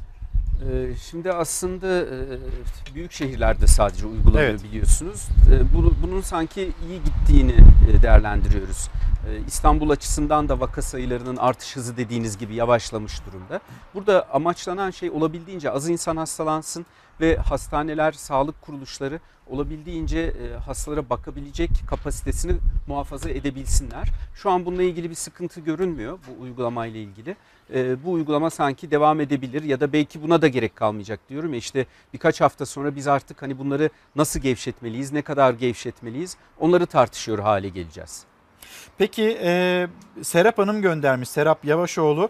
Hocaya sorar mısınız damlacıkla geçiyorsa maskeyle bulaş kesin önlenir mi? Şu maske meselesini konuşalım. En çok gelen sorulardan bir Evet, tanesi e, evet. bu. Biz maskeyi bulamıyoruz, edinemiyoruz. Bir de e, biliyorsunuz hani siz de denk gelmişsinizdir siyah maskeler var böyle şekilli şekilli. Evet, E, üste değişik. başa kıyafete uyumlu Uygun. maskeler var. Onlar korur mu korumaz mı? Şimdi aslında e, bezler bile, pamuklu bezler bile korur. Şimdi zaten korur derken şunu kastediyoruz. Biz e, hiçbir zaman aslında önerimizi değiştirmedik. Biz hatırlarsanız ta Çin'deyken bu hastalık diyorduk ki hastalık belirtilerini gösteren kişiler bu maskeyi taksın. Burada amacımız kişileri korumak değil. O maskeyi takan kişiler değil, onların solunum parçacıklarıyla dışarıya çıkacak virüsler etrafı kirletmesin, cansız yüzeyleri kirletmesin ve diğer insanları bulaşıp insanları hasta etmesin. Yani toplumda virüsün yayılımını önlemek için biz maske önerisinde bulunuyoruz. Hala öyle bulunuyoruz. Başta hasta olanlar diyorduk çünkü şöyle biliyorduk biz Çin'deki veriler öyle diyordu bize. Bu hastalığı %3-5 ancak hiç belirtisiz geçiriyor. %95'i belirtili geçiriyor. Sonra biz Avrupa'daki vakalardan %20-30 kadar da belirtisiz insan olduğunu öğrenince bu sefer ayırt edemeyeceğiniz için kim virüsü taşıyor, kim taşıyamıyor. Dedik ki sadece ve sadece kapalı ortamlarda şu sosyal mesafeyi koruyamayacakları zaman maskeyle diğer insanları korumak için ağız ve burunlarını kapatsınlar. Ve Dünya Sağlık Örgütü, CDC yani Amerikan Hastalık Kontrol Merkezi, Avrupa Hastalık Kontrol Merkezi bu amaçla bez maskelerin de gayet etkili olduğunu söylüyor. Yani bizim o Ama hastanelerde hayır, kullandığımız etkili değil dedi. Şurası açık buradan giriyor. Yani bunlar doğru değil dedi. ama o cerrahi maskelerde de bizde taktığımız hastanedeki maskelerde de tam %100 yüzünüze oturmuyor. Onların kenarlarından da açıklıklar olabiliyor. O bez maskelerin örneğin o yukarı buruna oturan kısma o açıklığı kapatmak için izleyicilerimiz e, mutfak poşetlerini bağlamak için teller vardır ya. Evet. Oraya bir tel koyabilirler mesela. Yani evde kendileri bez maske üretebilirler. E, pamuklu kumaşlardan, biraz kalınca pamuklu kumaşlardan o bez maskeleri takıp o bez maskeleri yıkayarak her defasında temizleme şansı da var o bez maskeleri. Bildiğimiz e, 60 derecede e, deterjanla yıkadıklarında virüs kalmaz. Böylece hani maske bulma endişesi de yaşamazlar. Dediğim gibi biz o maskeleri kendilerini korusunlar diye değil, etrafa eğer virüsü taşıyorlarsa virüsü bulaştırmasınlar diye istiyoruz. O maskeler ne zaman korumaya ihtiyaç olur? Ancak hasta bir insanla bir metreden daha yakın 15 dakikadan daha uzun yüz yüze kalırsanız yani şu mesafeden bile daha yakın yüz yüze 15 dakikadan uzun kalırsanız o kişinin solunum parçacıkları sizin ağız, burun ve gözünüze hava yoluyla ulaşabilir. O zaman o maskeye ihtiyacınız var. Ama böyle biraz geride durursanız insanlardan oradan çıksa bile hasta bile olsanız siz şu an İlker Bey sizden çıkan parçacıklar bana gelene kadar aşağıya inmeye başlayacak. Dolayısıyla benim ağız, burun, gözüme ulaşamayacak. O yüzden sosyal mesafeyi korumak önemli. Koruduğunuz zaman maskeye de aslında gerek yok. Şu anki maske önerimizde sosyal mesafenin korunamayacağı kapalı ortamlarda, e, özellikle iyi havalandırılmamış ortamlarda ve bunun için inanın bez maske yeter. Ağız ve burnu kapatmak çok önemli. Ben şunu görüyorum mesela maske takıyor insanlar burunları açıkta. Yani sadece ağzına takmış maske. Kayıyor çünkü. Bir yandan da öyle bir şey var. O maskeyi kullanmak Ya da alışık değil nefes alamıyor. alışık değil nefes alamıyor. Maskeyi kullanmak kolay değil. Hep niye herkese önermiyoruz? Onu da söyleyelim. Ya bu çok pahalı bir şey midir? Çok bulunmaz bir şey midir? Niye herkese önermiyoruz? Çünkü zararı olabileceğini düşünüyoruz. Şöyle bir zararı olur maskenin. Bir kere yalancı bir güven duygusuzluğuna sebep olur. Çünkü asıl bu hastalıktan bizi koruyan şey ellerimizi temiz tutmak. Maske taktığınızda bir el temizliğine ihtiyaç duymayabilirsiniz. İkincisi de bu maske çok kolay olmadığı için ikide bir onu düzeltme ihtiyacı. Biz bile hastanede onu hissediyoruz. Kayıyor o telli maskeler bile. Düzeltme ihtiyacı için ellerinizi yüzünüze götürmek zorunda kalırsınız. Ve dolayısıyla kendinizi tam tersi enfekte edersiniz elleriniz aracılığıyla. O yüzden de gerekmedikçe takmasınlar. Kendilerini değil toplumu korumak için, etrafı korumak için taktıklarını bilsinler. ve Serpil çok Hanım- etkili Serpil bez maskeler olur. Ha, özür dilerim hocam. Serpil Hanım diyor ki maskeleri yıkayıp kullanıyoruz o zaman. Doğru mu diyor? Bez maskeleri ama. Bez maskeleri. Şu Heh. tek kullanımlık maskeler yıkanıp Tamam. tekrar kullanılmaz. O cerrahi maske, tıbbi maske dediğimiz eczanelerde dağıtılanları onu çıkardıktan sonra e, çöpe atmak gerekiyor. Dudaktaki uçuk bir belirti olabilir mi? Ellerdeki yaralar ha, orada birikir yüzümüze ya da bize bir- buradan bir bulaş olur mu? E, ellerden doğrudan ciltten geçmez. Hani elden bulaşmıyor bu. Sadece o elimizdeki virüsleri biz ağız, burun, gözümüze götürürsek oradan vücudumuza girebiliyor. O yüzden de el temizliği çok önemli. Ellerdeki yaralar çok endişelenecek bir durum değil. Hocam bu plazma Uçuk tedavisi. değil.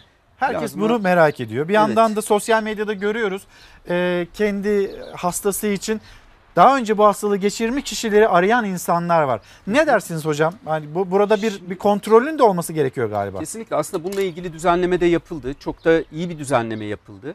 Şu an bizler hastanelerimizde iyileşip belli kriterlerimiz var. İşte Seda Hanım'ın söylediği gibi hani hamile kalmamış kadın olabilir ya da tercihen erkek hasta olacak. 18-60 yaş arası olacak plazma bağışçısı olabilmesi için.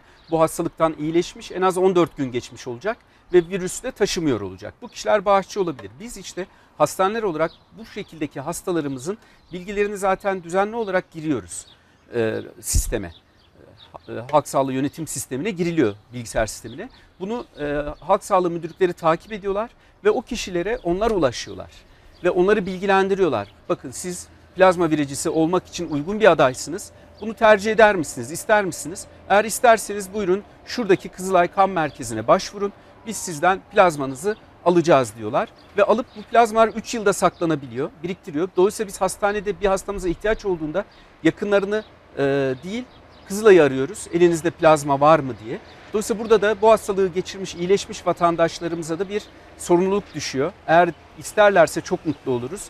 Bağışçı olurlarsa Kızılay onlardan e, plazmalarını alıp e, dondurup 3 yıl boyunca saklayabilir, ihtiyacı olanlara kullanabilir. Ama etkisi konusunda ona gelecek olursak öyle çok mucizevi bir tedavi yöntemi kesinlikle değil. Bir kere yeni de değil. Hani 100 yıldır zaten bilinen bir yöntem.